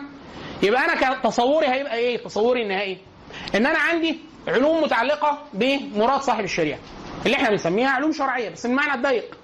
صاحب الشريعة ده ليه مراد في معاملة الخلق وليه مراد في مع الكون وليه. المرادات دي انتقل بيها وأروح ادرس العلوم الثانية فالعلوم الثانية هي علوم شرعية برضه. يعني أنا حاليا راجل مثلا بدرس علم نفس. لو أنا بدرس حاجة متعلقة بالإرشاد النفسي أو بالعلاقات الأسرية أو علم نفس الأسرة أو علم نفس النمو يبقى أنا كده بدرس علم مش شرعي؟ هبدرس علم شرعي لأن الله عز وجل أمر بحفظ الأبدان وحفظ النفس البشرية وحفظ وحسن تربية الأفراد وحسن العلاقة الزوجية. طب إيه العلوم اللي بتحسن العلاقة الزوجية؟ منها علم النفس الأسري. إيه الحاجة اللي بتضبط نفسية الأطفال وبتاع؟ علم نفس تربوي علم نفس النمو وهكذا. فالحاقا بالطريقة اللي إحنا بنتكلم بيها إن كل هذه الدوائر العلوم الإنسانية والعلوم الطبيعية وغيرها من العلوم التطبيقية هي داخلة في مراد صاحب الشريعة بشكل مباشر أو غير مباشر. عشان كده دايما الفقهاء يقولوا إيه؟ ما لا يتم ما لا يتم الواجب إلا به فهو واجب. ما لا يتم الواجب إلا به فهو واجب. يعني أنا بقول لك جاهد. جاهد في سبيل الله فبتقول لي هو إيه الجهاد؟ فبقول لك روح فوق ادرس فقه عشان تعرف معنى الجهاد. فطلعت فوق لقيته قتال المشركين بالسيف. حلو. احاربهم بالسيف يا فندم. متأكد من كده؟ فبقول لك لا أنت حضرتك لحظة تروح تدرس لغة عربية عشان تعرف إن المقصود بالسيف هو آلة القتال مطلقا. خلاص أروح أعمل إيه؟ فهمت كده عربي فهمت عرفت إن أنت هتروح. تدرس إيه؟ هتروح تدرس هندسة. لا يا فندم إحنا كنا بنسأل سؤال شرعي متعلق بالجهاد. ما هو الإجابة على السؤال بتاع الجهاد هو سؤال هندسي؟ لأن هي الهندسة هي ذروة التطبيقات العلمية على المواد الأساسية. فعشان أنا أمرتك فوق لما أنت فهمت من مراد صاحب الشريعة إن في جهاد فالجهاد رحت عرفت معناه من علوم الآلات وعلوم وبعد كده طلعت بالحكم فوجئت إن أنت رايح تتعلم إيه؟ هندسة، الطب لا يمكن تجاهد من غير طب، لا يمكن تجاهد من غير فيزياء، لا يمكن. وهكذا، فيبقى الحاقا لو أنا راجل بروجرامر ولا أنا راجل مهندس ولا أنا راجل دكتور ملحق بفروض الكفايات ده علم من العلوم الشرعية؟ آه علم من العلوم الشرعية بهذه التقسيمة بهذا الطريقة في الارتباط. طيب كده الصورة كاملة مع بعضها. وأنا بتحرك بروح أروح من مصدر أجيب النص، النص أخش بيه على علوم الآلات، علوم الآلات تفكولي أطلع بمقصد، المقصد ده أروح نازل بيه على العلوم الإنسانية أو العلوم الطبيعية أشوف مساحة من مساحة الاشتغال بمرادات الله عز وجل في هذه المساحات. يبقى أنا كده إيه؟ لم أغادر الأمر الالهي. طيب أنا عشان أدرس إحنا في التقسيم العام لما بنيجي ندرس في أي في حياتنا من أول ما إحنا أطفال الناس بتقسم تر- ترتيب بيقول لك إيه آه ابنك الأول دخله رياض أطفال بعد ما يخلص رياض أطفال وديه المدرسة المرحله الابتدائية بعد ما تخلص وديه إعدادي بعد ما يخلص إعدادي وديه ثانوي بعد ما يخلص ثانوي وديه جامعة. لو خلص الجامعة وديه دراسات عليا. بعد دراسات عليا مش هيلاقي شغل يروح يدور على شغل من دلوقتي يعمل حاجة ثانية خلاص؟ طيب في الترتيب الشرعي أو الترتيب التراثي القديم كانوا بيعملوا إيه؟ في مستوى كده إن هو يقول لك ما ينفعش تبقى مسلم وما- تعرفش واحد اثنين ثلاثة أربعة. الحاجات الواحد اثنين ثلاثة أربعة دي بيحطوها في دائرة كده بيسموها ما لا يسع المسلم جهله. خلاص؟ اللي هي كأنها مستوى في رياض اطفال يعني إحنا دلوقتي في رياض الأطفال يقول لك أنا أعلمه الحروف أعلمه ألف ب أعلمه حساب أعلمه الجمع والطرح. دي حاجات أساسية. يقول لك ما ينفعش واحد ما علموش الحاجات دي. من الناحية التراثية من الناحية الشرعية في حاجات المفروض المسلم ما, جا... ما... ما... ما... لا يسع جهلها يعني يأثم لو ما عرفهاش. يعني حضرتك أنا قلت لك إيه حكم بيع التورق؟ فقلت لي ما أعرفش إن في أصلا اسمه التورق. ما يحصلش حاجة. ليه؟ لأن انت لو في يوم من الأيام هتيجي تبيع بيع هتسأل واحد تقول له البيع ده حلال ولا حرام؟ هيقول لك حلال وحرام وخلاص. انت ما ينفعش ما تعرفش إزاي تتوضا ما ينفعش ما, ينفعش ما تعرفش إزاي تغتسل. ما ما ينفعش. ما ينفعش ما تعرفش إزاي تصحح صلاتك. إيه اللي بيبطل وضوءك؟ إيه اللي بيبطل صيامك؟ وهكذا. خلاص كده؟ فالدائرة بتاعت مدارس على المسلم جاله دي أكنها رياض أطفال. مش معناها إن أنت صغير في السن. يعني حضرتك لو قبل كده ما درستش حاجة في علوم الطب وأنت سنك 40 سنة لما تيجي تدرس طب هتعمل إيه؟ انت تدرس مع الطلبة بتوع أولى طب. بس دول صغيرين عليا. لا مش في الحجم عشان كده إيه؟ مصطلح طفل طفل في العلم. خلاص؟ فالمستوى بتاع ما يسعى المسلم جاله ده اللي هو اللي المفروض إيه؟ ما ينفعش أي واحد مسلم يجهل هذه الأشياء. مسلم يعني مسلم ومسلمه طيب بعد كده بترقى. بروح حد بيعمل لي في المرحلة الابتدائية ما يوازي ليها في التراث قديما كانوا بيعملوا متن. متن يعني جملة بسيطة صغيرة مضغوطة فيها خلاصة علم من العلوم. علم من العلوم. المتن ده إما بيكون شعري بيتعمل منظومه عشان يسهل عليها الإنسان المنظومات آه، جوحر إنت الجو عندكم كويس؟ يبقى الجو عندنا مش كويس. بيعملوا له جملة بسيطة. ممكن الجملة دي من, من يكون خمس صفحات أربع صفحات متن. نثر أو شعر. خلاص؟ في احكام الأساسية بتاعت علم من العلوم. علم من العلوم. خلاص؟ لو انت حفظته ده مستوى ابتدائي. فحضرتك عايز تروح تدرس نحو. فبيقول لك والله في مقدمة اسمها المقدمة الاجروميه متن بسيط في النحو ويطلع له 10 ورقات. لو أنا درسته تعرف الحاجات الأساسية في علم النحو. خلاص كده؟ طيب لو أنا كبرت شوية عايز أروح إعدادي ممكن واحد يقول لك شايف متن الاجروميه ده اللي هو كان 10 ورقات؟ معاه شرح. يطلع كتاب صغير الحجم خلاص؟ كده أنت هتبقى معاك إيه؟ حاجة اسمها متن اللي هو الجملة المختصرة في, في علم من العلوم دي سواء شعر أو نثر. والمرحلة اللي بعدها معاك شرح. خلاص؟ طيب الشرح ده لو أنت كبرت عن كده شوية في المح... في المساحة العلمية يقول لك إيه؟ هو في الشرح كان في حاجات ما بيرضاش يقول لك إن فيها خلاف وفيها أقوال وفيها ما كانش بيقول ده عشان المساحة بس إيه؟ هو بيحاول يشرح لك بدون مشاكل. في مساحة بيسموها الحواشي عند الجماعه التراثيين. بيعملوا إيه؟ يجيب مسائل فيها قدر ما من التدقيق أو الاستدراكات على صاحب الشرح أو توسيع مدارك أو خلاف طويل شوية في المسائل يحطه فين؟ في الحشو. خلاص؟ ده بيبقى إيه؟ كده أنت السلم التعليمي ماشي معاك. لو أنت في مرحلة من هذه المراحل تبقى أنت إيه؟ في مرحلة من مراحل التدقيق في العلم. عاملة زي مراحل إيه؟ الابتدائي والإعدادي والثانوي اللي إحنا بنمشيها بس طبعا إيه؟ مع الفارق في عدم الجدية أو الجدية. يعني إحنا في الجامعة مش لازم كل واحد في الجامعة يكون درس بجد. وكذا نفس الحكاية. مش معنى ذلك إن واحد بيدرس في مرحلة من هذه المراحل على الطريقة التراثية إن هو فعلا متقن لهذه الطريقة لكن ده كان السلم أو المراحل التعليمية اللي بيمر بها أي حد في المرحلة ال- في الدراسة القديمة أو الطريقة ال- وده موجود حتى الآن في الطريقة الأزهرية في الدراسة. طيب أنا هدرس أي علم من العلوم أي علم من العلوم. زمان كانوا الجماعة متأثرين جدا ب آه، بيضبطهم الضوابط الشرعية. الضوابط الشرعية. فالانسان مش متروك سودا كده. أنا عايز أروح أتعلم علم. يلا نفتح شوية روابط على اليوتيوب. في علم من العلوم نبدأها. واحد يقول لك يا أخي العلم كويس. مش العلم حلو. العلم حلو. خلاص. هو ممكن يكون بيفتح بيتعرف على عايز يتعلم اللغة السنسكريتية مثلا في ليلة الامتحان. أو بدأ يفكر إن هو آه، أنا مش آه، لا الهندسة دي مش توبي. أنا كان المفروض أدرس إدارة. خلاص. ويبدأ إيه؟ ليل- أسبوع الامتحان يكتشف العلوم. خلاص.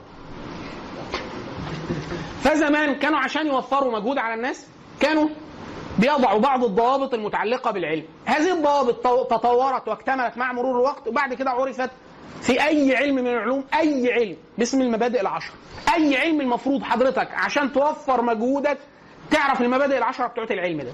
المبادئ العشرة دي ممكن تتعرف في قد إيه؟ والله ممكن تتعرف في تلت ساعة. ليه؟ لأن هم عشرة. كل مبدأ تعرفه في دقيقتين كده أنت خدت فكرة خد فكرة واشتري بكرة. خلاص مش لازم إيه؟ تطول. خدت فكرة عن المبادئ العشرة في تلت ساعة عجبك الموضوع. لقيته الله والله هشتري أنا هاخد الكمية كلها. يعني خلاص هشتريها. ففي ممكن يتشرح لك ده في 20 ساعة. ليه إحنا بنقول 20 ساعة؟ يعني 10 محاضرات في ساعتين. لأنه أهم 20 ساعة عند الجماعة بتوع علم النفس المعرفي في التعلم هي أول 20 ساعة في التعلم. منحنى التعلم بيبقى أعلى شيء مم- ممكن في بداية التعلم. عشان كده الإنسان أول ما بيتعلم بيبقى متكبر جدا. ليه؟ لأنه عرف حاجات كتير قوي في وقت صغير فبيبقى متصور متوهما إن هو هيكمل بنفس المعدل. فأول ما بيقعد أسبوع بيقرأ في حاجة كل يوم بيشوف فيديوهات وبتاع يقول لك إيه؟ أنا قريت في آخر بحث اللي هو بيبقى حاسس إن هو ليه؟ لأنه كان جاهل تماما في أول الأسبوع. بعد 10 ساعات ولا 15 ساعة اللي هو مش عارف إن هو في أول 20 ساعة تعلم بيحصل ده منحنى التعلم بيبقى طالع أقصى شيء ممكن وبيقف. بعد كده بيبدأ يزيد بميل بسيط جدا. عشان كده بيقولوا إيه؟ قاعدة. أول 20 ساعة أهم 20 ساعة في التعلم. عشان تبقى خبير في حاجة عشان ما تدعيش تقول لي أنا خ... أنا واخد دورتين فأنا مدرب محترف معتمد في كذا. أي حاجة بقى حط معتمد وحط كذا وراها. كام ساعة البتاع دي؟ يقول لك دبلومة مكثفة 30 ساعة تدريبية. خلاص فاحنا بنقول مفيش حد ممكن يبقى اكسبرت في حاجة أو خبير في حاجة إلا بعد 10000 ساعة ممارسة لهذا الفن. يا بيه ما انت كنت كويس ولسه بتقول 20 ساعة. يعني طب أمي بتسلم عليك وبتقول لك عشان خاطرنا. وهات من الآخر. وإحنا هناخد الدورات كلها. بس كرمنا. والله هم 10000 ساعة. بتوع علم النفس المعرفي مسكوا زمان شوية لعيبة شطرنج قعدوا يحللوا عليهم. في الآخر تم تعميم هذه النتائج واختبارها في علوم تانية. فطلع لنا قا- قاعدة اسمها قاعدة ال 10000 ساعة. لا يمكن أن يكون الإنسان خبير في مجال لم ينفق فيه من خمس لسبع ساعات يوميا لمدة خمس سااعات لمدة خمس سنين. مش ممكن. عشان تبقى إيه؟ خبير. فحضرتك حاطط قبل اسمك المدرب المعترف المعتمد المنعرف الخبير ال- بتاع الدكتور المهندس اللواء الفيلسوف أي حاجة من ده. وما صرفتش 10000 ساعة بتدرس ده يبقى أنت كذاب. خلاص؟ طيب عشان أنا ما اضيعش وقتي في تعلم الاشياء عايز كام؟ انتبه قوي اول 20 ساعة انتقي جدا جدا ده هنشوفه في ادب العلم كيف تتعلم؟ بعد ما نتكلم عن المبادئ على طول. تنتقي جدا جدا اللي هتعمله وانت بتتعلم عشان ما تضيعش ال 20 ساعة دول في اي كلام فارغ. خلاص كده؟ فزمان عشان يوفروا عليا وعلى حضرتك المجهود ده قال لك إيه؟ إحنا نعمل منظومة من كذا بيت نقول لك هي إيه المبادئ العشر واحد اسمه العلامة الصبان راجل متفنن كان بتاع نحو وصرف ومنطق وعلوم وعلم كلام وبتاع كان بيشرح عندنا متن اسمه السلم المنورق في المنطق. واحد من المشايخ الكبار جدا المناطقة اسمه الملاوي من بلد اسمها ملاوي في المنيا هنا. خلاص اسمه الملاوي نسبة لبلده. عمل شرح على السلم المنورق. جه حد من تلامذته اسمه الإمام الصبان عمل حاشية على المتن. إحنا قايلين متن وحاشيه وكلام. عمل حاشيه جوه الحاشية حط ثلاث أبيات حط فيهم إيه؟ المبادئ العشر. العلامة الصبان في شرحه على حاشيته حاشيته على شيخ الملاوي على السلم المنورق بتاع الأخضري في المنطق. قال الثلاث أبيات دول اللي هم إيه؟ إن مبادئ كل فن عشرة. الحد والموضوع ثم الثمرة ونسبة أو وفضله ونسبة والواضع والاسم الاستمداد حكم الشارع مسائل والبعض بالبعض اكتفى ومن درى الجميع حاز الشرف دول المبادئ العشرة إيه هم المبادئ العشرة تاني؟ إيه يا مولانا؟ بتسأل حاجة؟ ما إحنا هقول أمال أنا جاي أعمل إيه؟ قال لك أنت مش ساحره يعني امال أنت جاي هنا ليه؟ قال لك أنا مش فاهم ما أنت لو فاهم ما تجيش.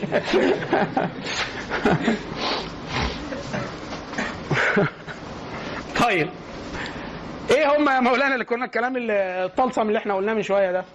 لا مؤاخذه ما هو الطلسم؟ لا ارجع. يا ابني ارجع يا حبيبي. بفهم اللاب بس. خلاص؟ انما مبادئ كل فن عشرة. انما مبادئ المبادئ بتاعت أي فن أولياته يعني الحاجات اللي أنت لازم تعرفها عنه عشرة عدد عشرة الحد والموضوع ثم الثمر. الحد اللي هو إيه؟ التعريف. لازم حضرتك قبل ما تدرس أي علم تعرف إيه تعريف العلم ده. بيعمل إيه؟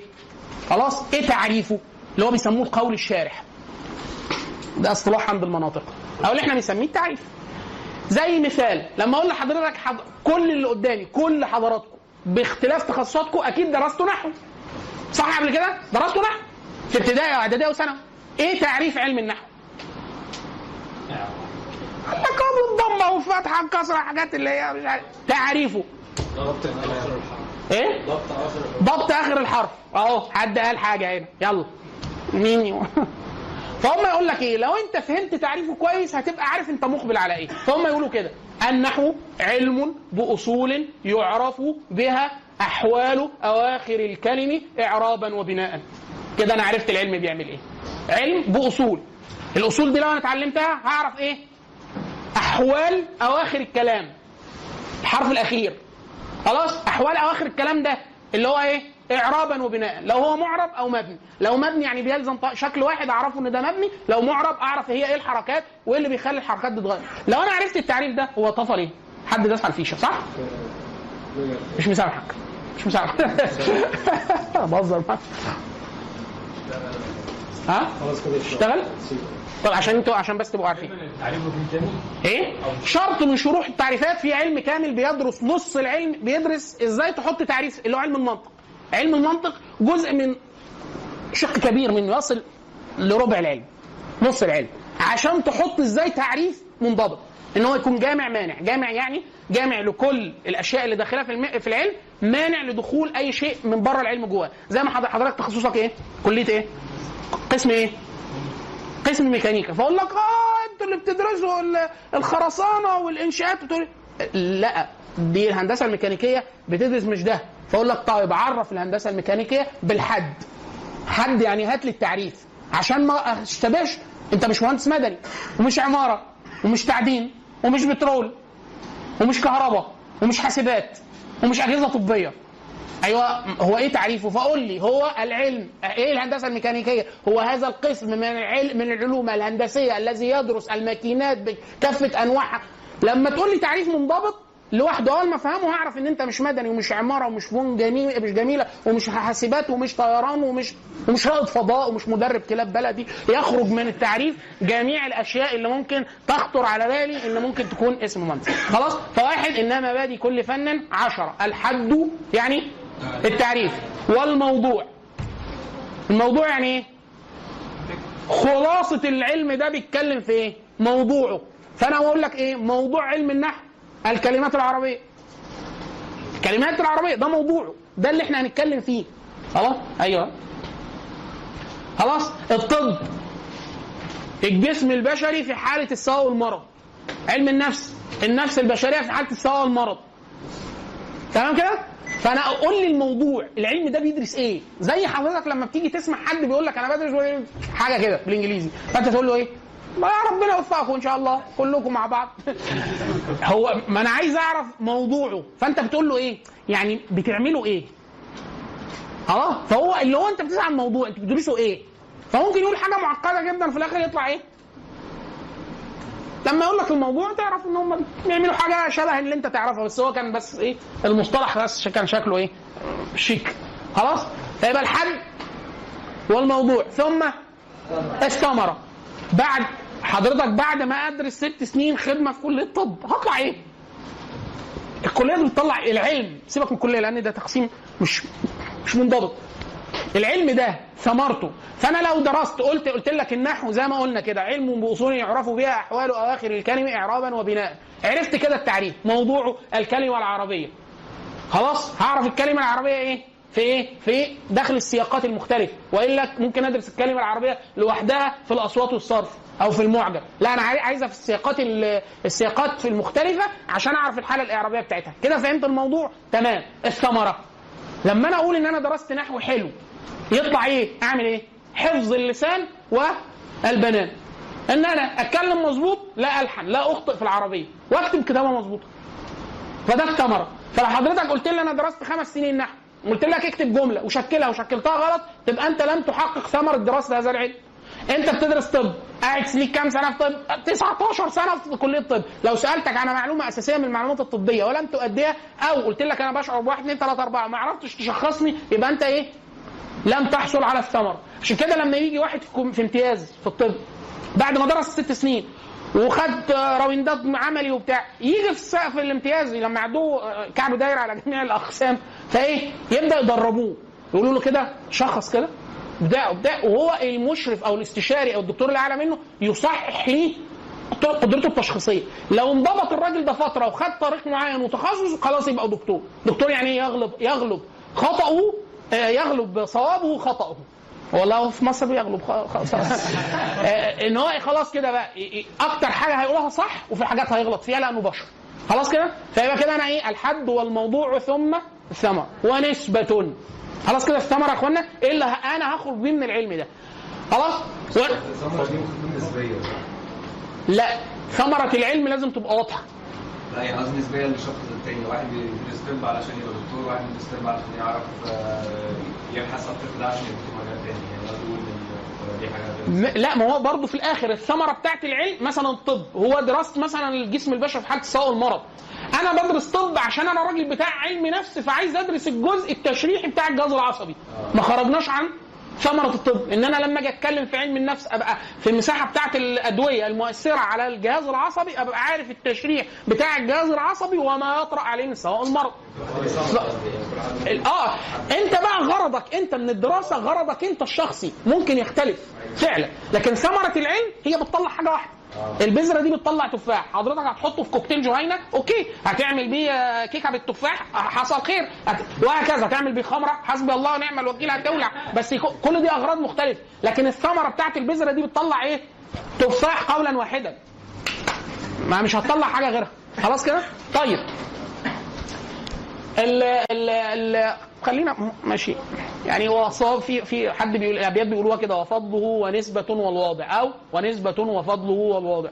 خلينا نمشي مع الترتيب. خلاص؟ فضله. فضله ليه؟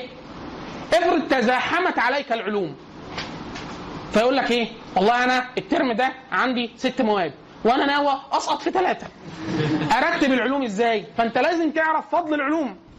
فمثلا لو انت حضرتك ساعات معتمدة تقول المادة دي لازم انجح فيها عشان انت بتحبها لا عشان بتفتح مادتين ال term الثاني ولو سقطت مش هعرف افتحهم.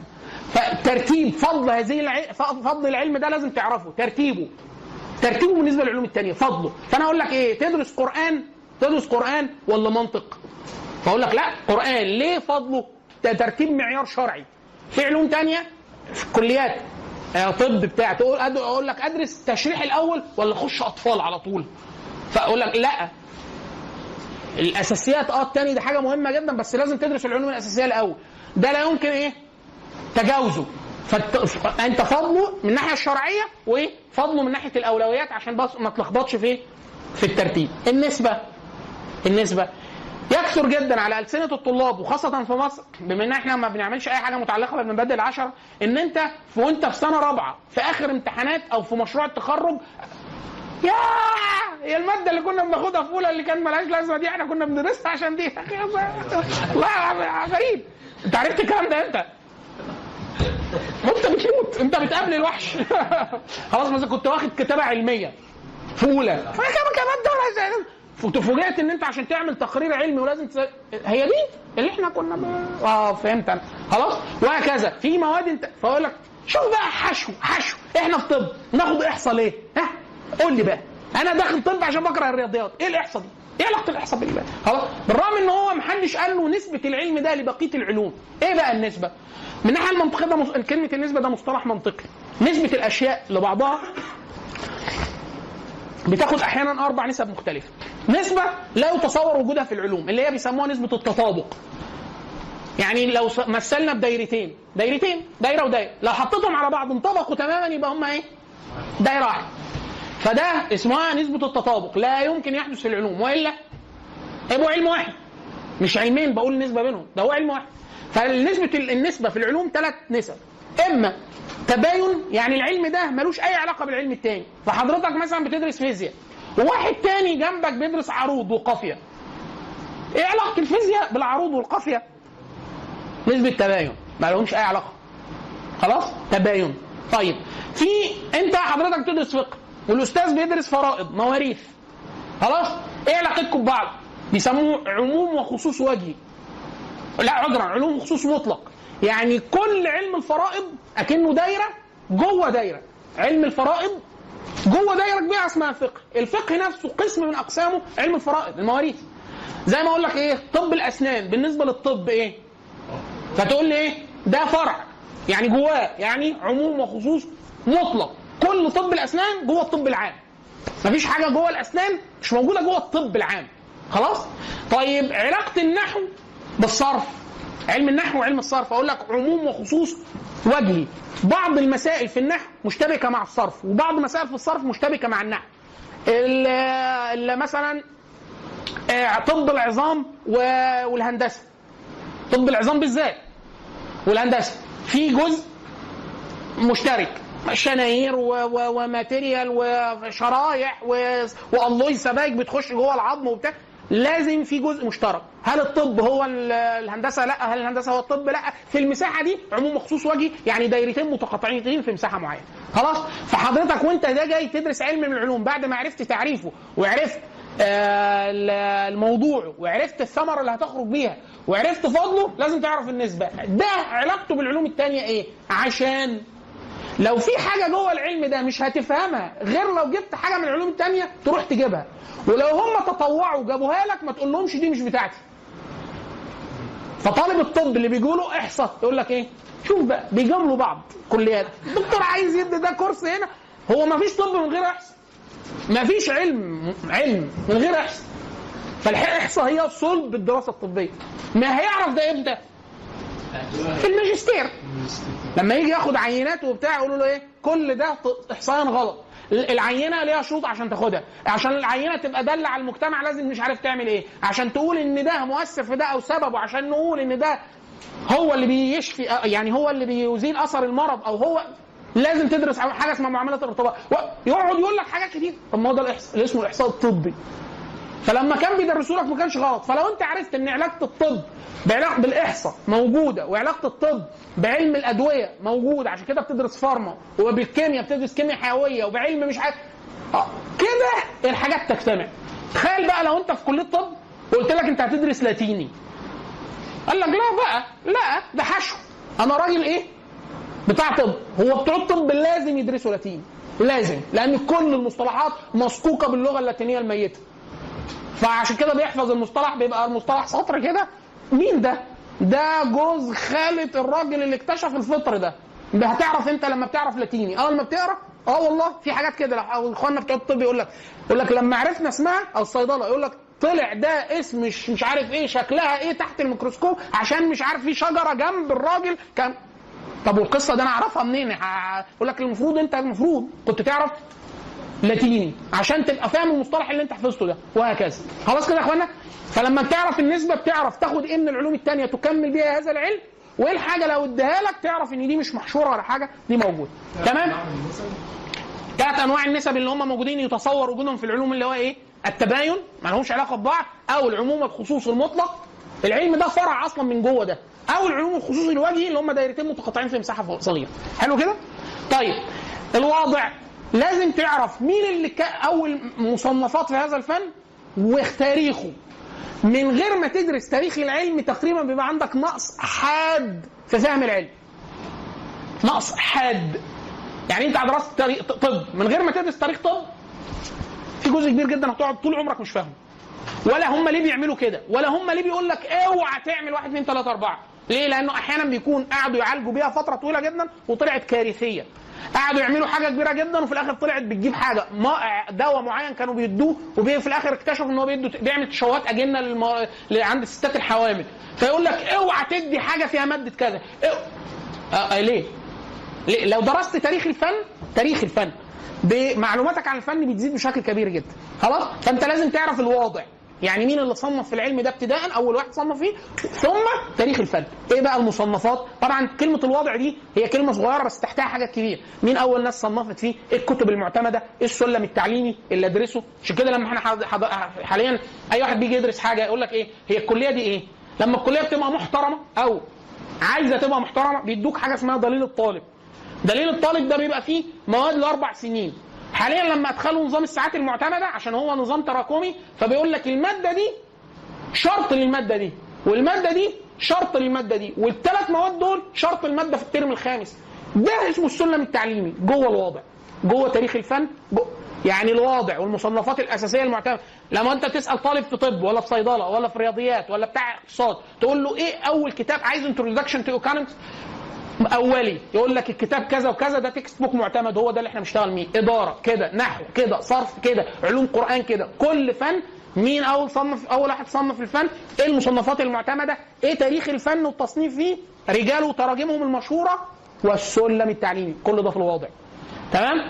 الاسم اسم العلم. بعد يقول لك لا أنا وأنا بدرسه مش عارف اسمه. آه والله العظيم بتحصل. وإحنا في اللجنة بنبص لبعض ونقول له إيه؟ هي المادة كان اسمها إيه؟ لأن إحنا دايما بنقول الماده بالاختصار. إحنا كان عندنا مادة في قسم الميكانيكا زمان في هندسة اسمها مادة الهندسة البيئية.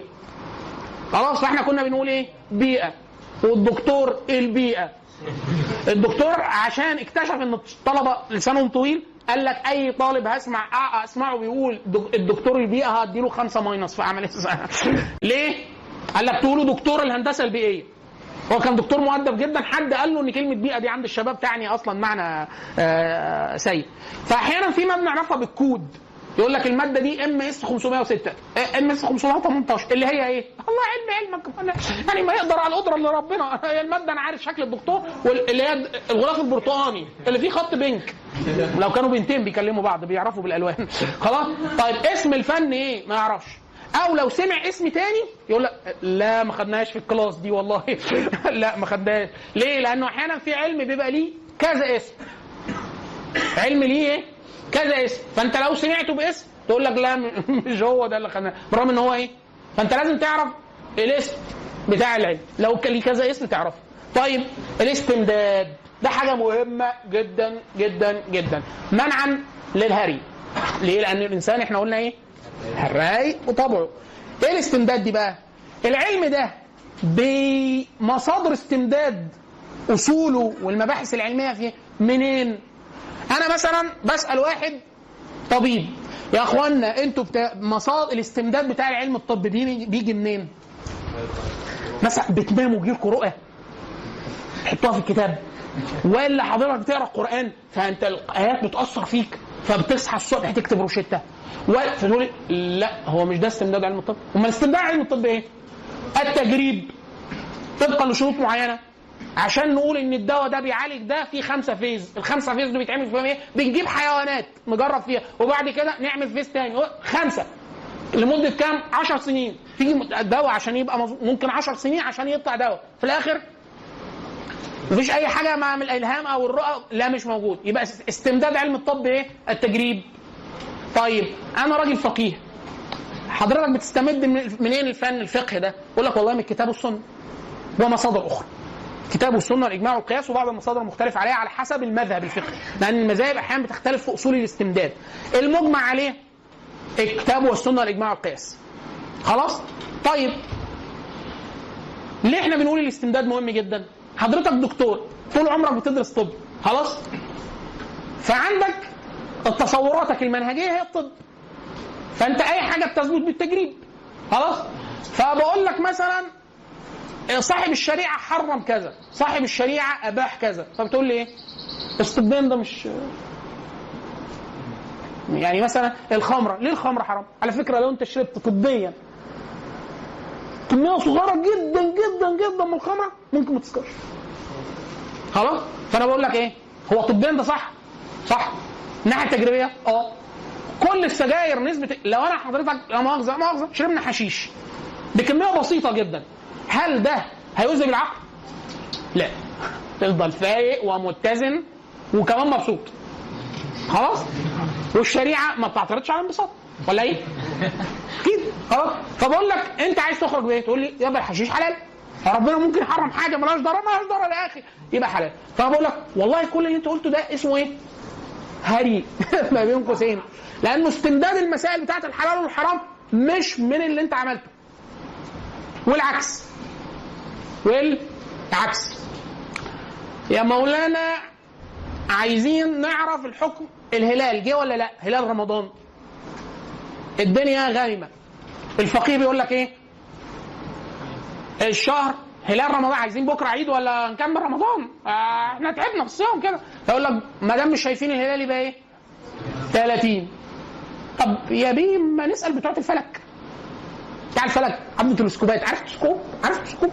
وعنده رياضيات وعنده حاجة اسمها تسطيح مكورات وتكوين مسطحات وحساب دقيق جدا. وهابل ممكن يجيبه. التلسكوب اللي بيطير. ممكن نعرف منه. فبقول لك والله حضرتك أنا بتاع فقه. يعني مش بتاع فقه. يعني الأحكام الشرعية عندي لا تثبت إلا بالطريقة اللي قال عليها صاحب الشريعة. فإحنا لا نثبت الأهلة إلا بالنظر بالنظر ال- ال- بالعين. طب ما شفتوش؟ إذا غم عليكم الهلال فالشهر 30 طب وليه؟ ما ربنا وسع علينا. ما ده استمداد خاطئ. ما فيش حد بيقول ده قول ضعيف جدا جدا. عند الأحناف إنه ممكن بالاستعانه بالحساب الفلكي واحد يقول لك إيه؟ ما طبعا شوف. جهل. خلاص؟ فبنقول له لا ده اسمه خلط بين العلوم. الفقه استمداده غير كده. واحد يقول لك إيه؟ طب أنا افيدك معلومة. بالفلك ممكن نقول الكلام ده مظبوط 100% ده إنسان حتى ما يعرفش فلك لأنه مستحيل يتعرف أي حاجة فلكية. دقة م- 100% مفيش كده. الناس بتفتكر كده بسبب إن إيه؟ النتيجة اللي بيلاقي فيها مواعظ تحت دي في الغالب بتوافق معظم الحاجات اللي هو بيقولوا له عليها. فبيتصور إن هي مضبوطة. بس أي حد دارس فلك يعرف إن حركة الشمس للقمر عبارة عن 16 حركة عشوائية حوالين بعض.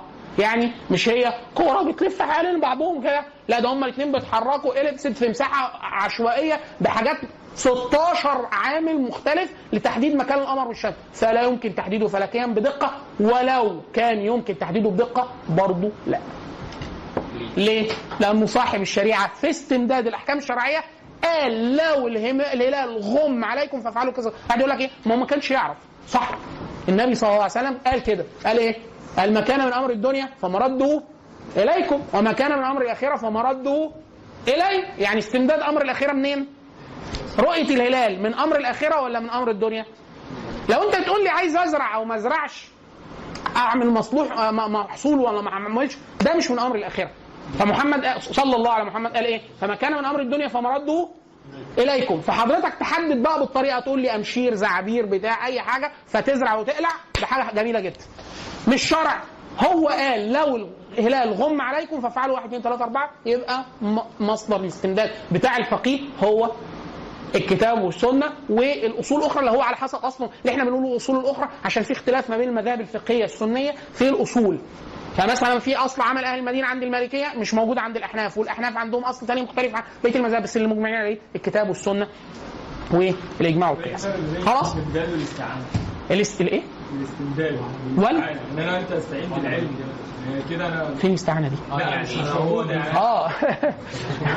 الاستمداد, الاستمداد هو أنا باخد مسائل الفن دي منين؟ فأنا لو أنا راجل بتاع فقه فقه.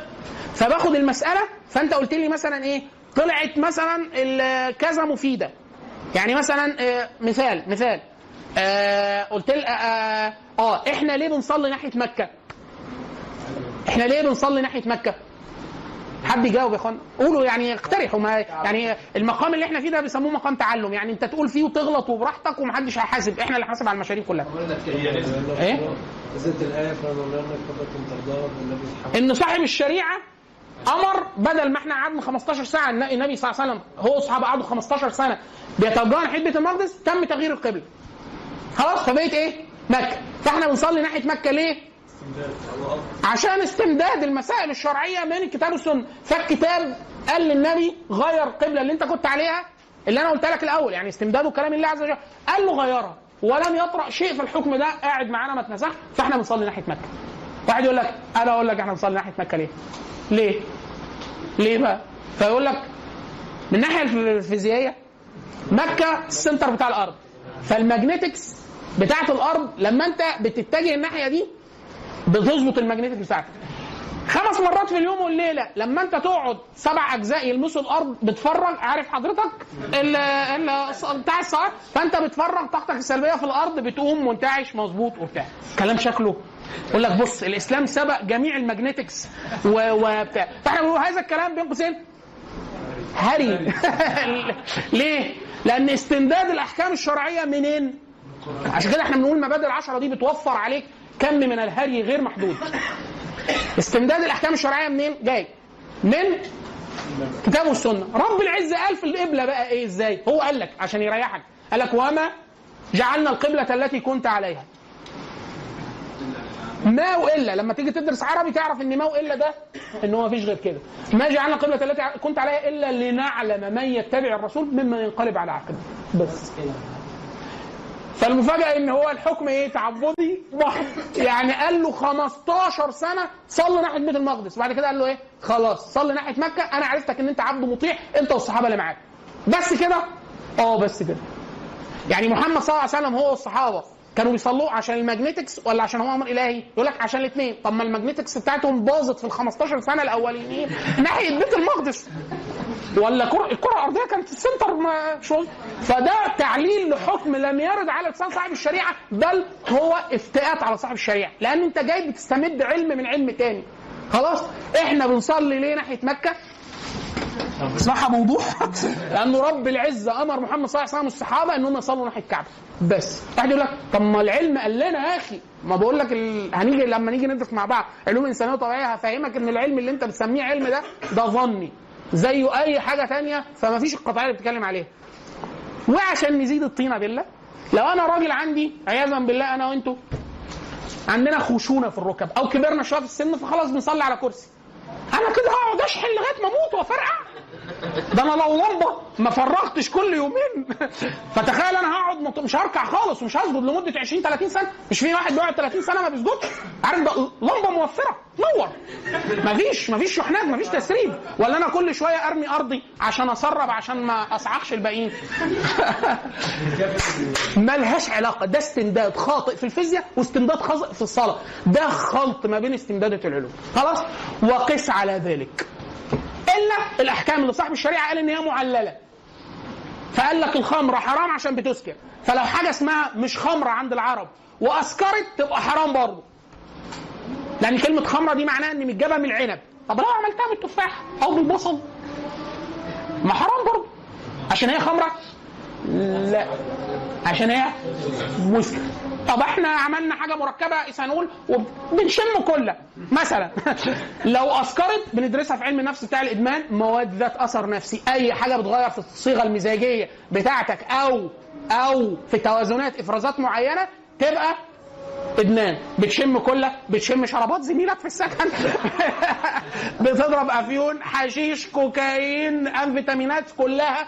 أي حاجة كل ده حرام شرعا الحاقا بالمسكرات خلاص كده يا إخوانا طيب الاستمداد حكم صاحب الشريعة إيه إيه الفايدة إن أنت تعرف حكم صاحب الشريعة؟ برضه تقدم الأولى على الأولى، والأخطر من ده بدل ما تدرس علم لمدة 10 سنين أو 15 علم 15 سنة وتفاجئ إن هو حرام شرعا.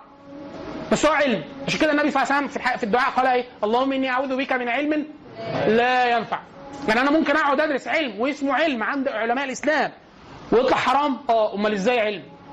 صفة العلمية مش ما لهاش أي علاقة عند المسلمين بالحلال والحرام.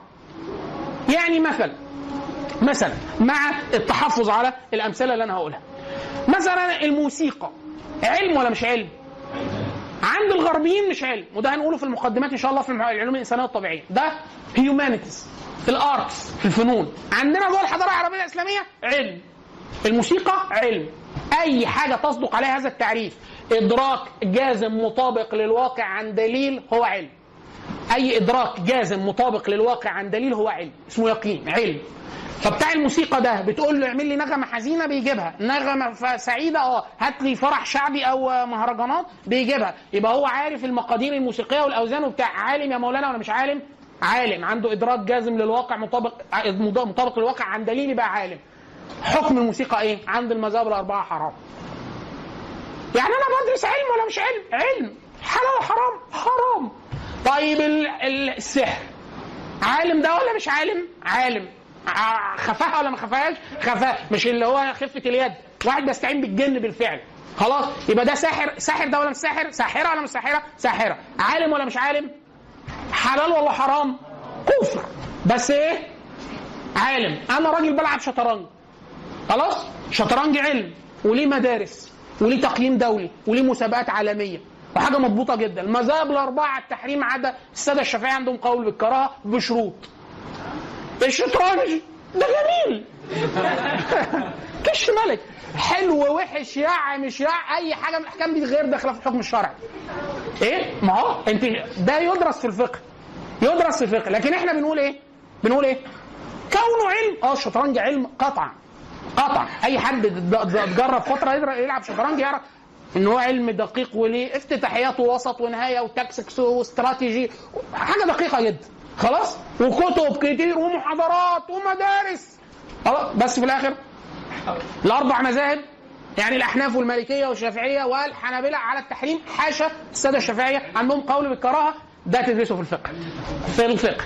لكن إحنا بنضرب مثال. خلاص وهكذا؟ طيب أنا راجل بدرس كوافير قطط. كوافير قطط. مجم مزين بيسموها. اللي هو بيعمل فرم للقطط. كوافير. ده حاجة حلوة ولا وحشة؟ جميلة. والقطة بيبقى شكلها وعاملة شعرها كده. علم ده ولا مش علم؟ قطعا علم. عشان يعرف الشعرة جاية كده والألوان والسشوار وما يلع... ما يحرقلكش القطة وهو بيسرح لها. ده علم. حلال وحرام.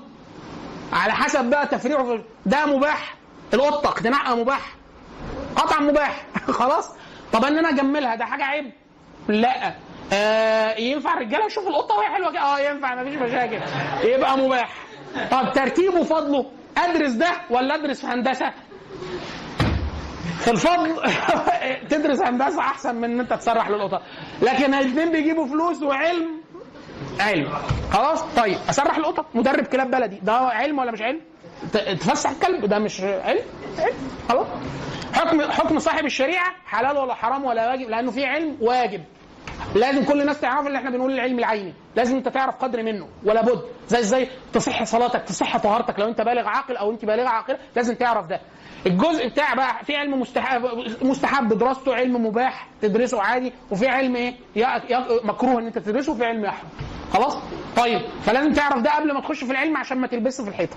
أخيرا مسائل الفن.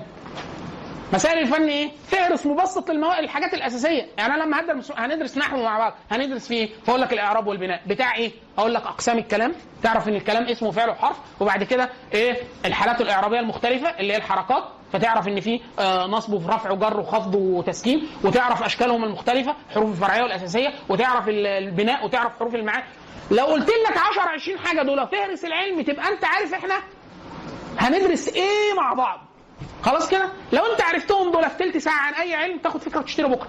لو انت حسيت إن الموضوع interesting بس مش عارف تتو... مش عايز تتورط ممكن تاخد course 20 ساعة ما يزيدش. 10 جلسات كل جلسة ساعتين أعلى نسبة تعلم في ال 20 ساعة دول وخدت فكرة. في الآخر طلع لا مش هو ده اللي أنا عايزه. عشان كده إحنا في كتير جدا لما بنخش الكليات أنت طول عمرك نفسك تخش تبقى مهندس. ليه؟ في خوذة ومعاهم مسطرة. دول مهندس مدني ما انت ممكن تلبس كهرباء مش هتشوف لا مسطرة ولا مواقع ولا خوذة.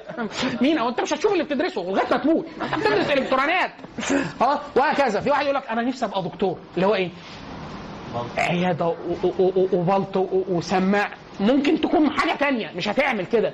خلاص؟ وهكذا. فالقصد إن أنت إيه؟ لو أنت عرفت المبادئ العشرة بتاع اي فن يغنيك عن التورط. طيب. ده ده حاجة يعني مدرجة على انسوا اللي أنتوا هتقروه ده مش مش تبعنا. ده تم تعديله. ده كان ترتيب المواد داخل المدرسة.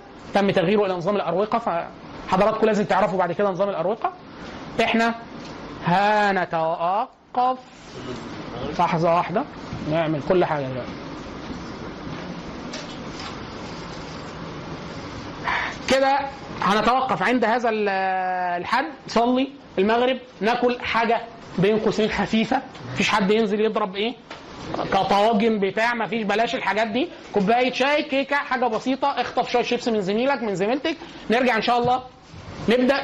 ستة ونص. المحاضرة الثانية. نكمل مع بعض إيه؟ من أول القيم الحاكمة حتى ننهي الجزء الخاص بمقدمات طلب العلم. أي حد ما راحش لإخواننا ورا بتوع التسجيل والتنظيم يروح لهم لو سمحت عشان هم عايزينه في كلمتين. سبحانك اللهم وبحمدك أشهد أن لا إله إلا أنت أستغفرك وأتوب إليك. بارك الله فيكم شكر الله لكم.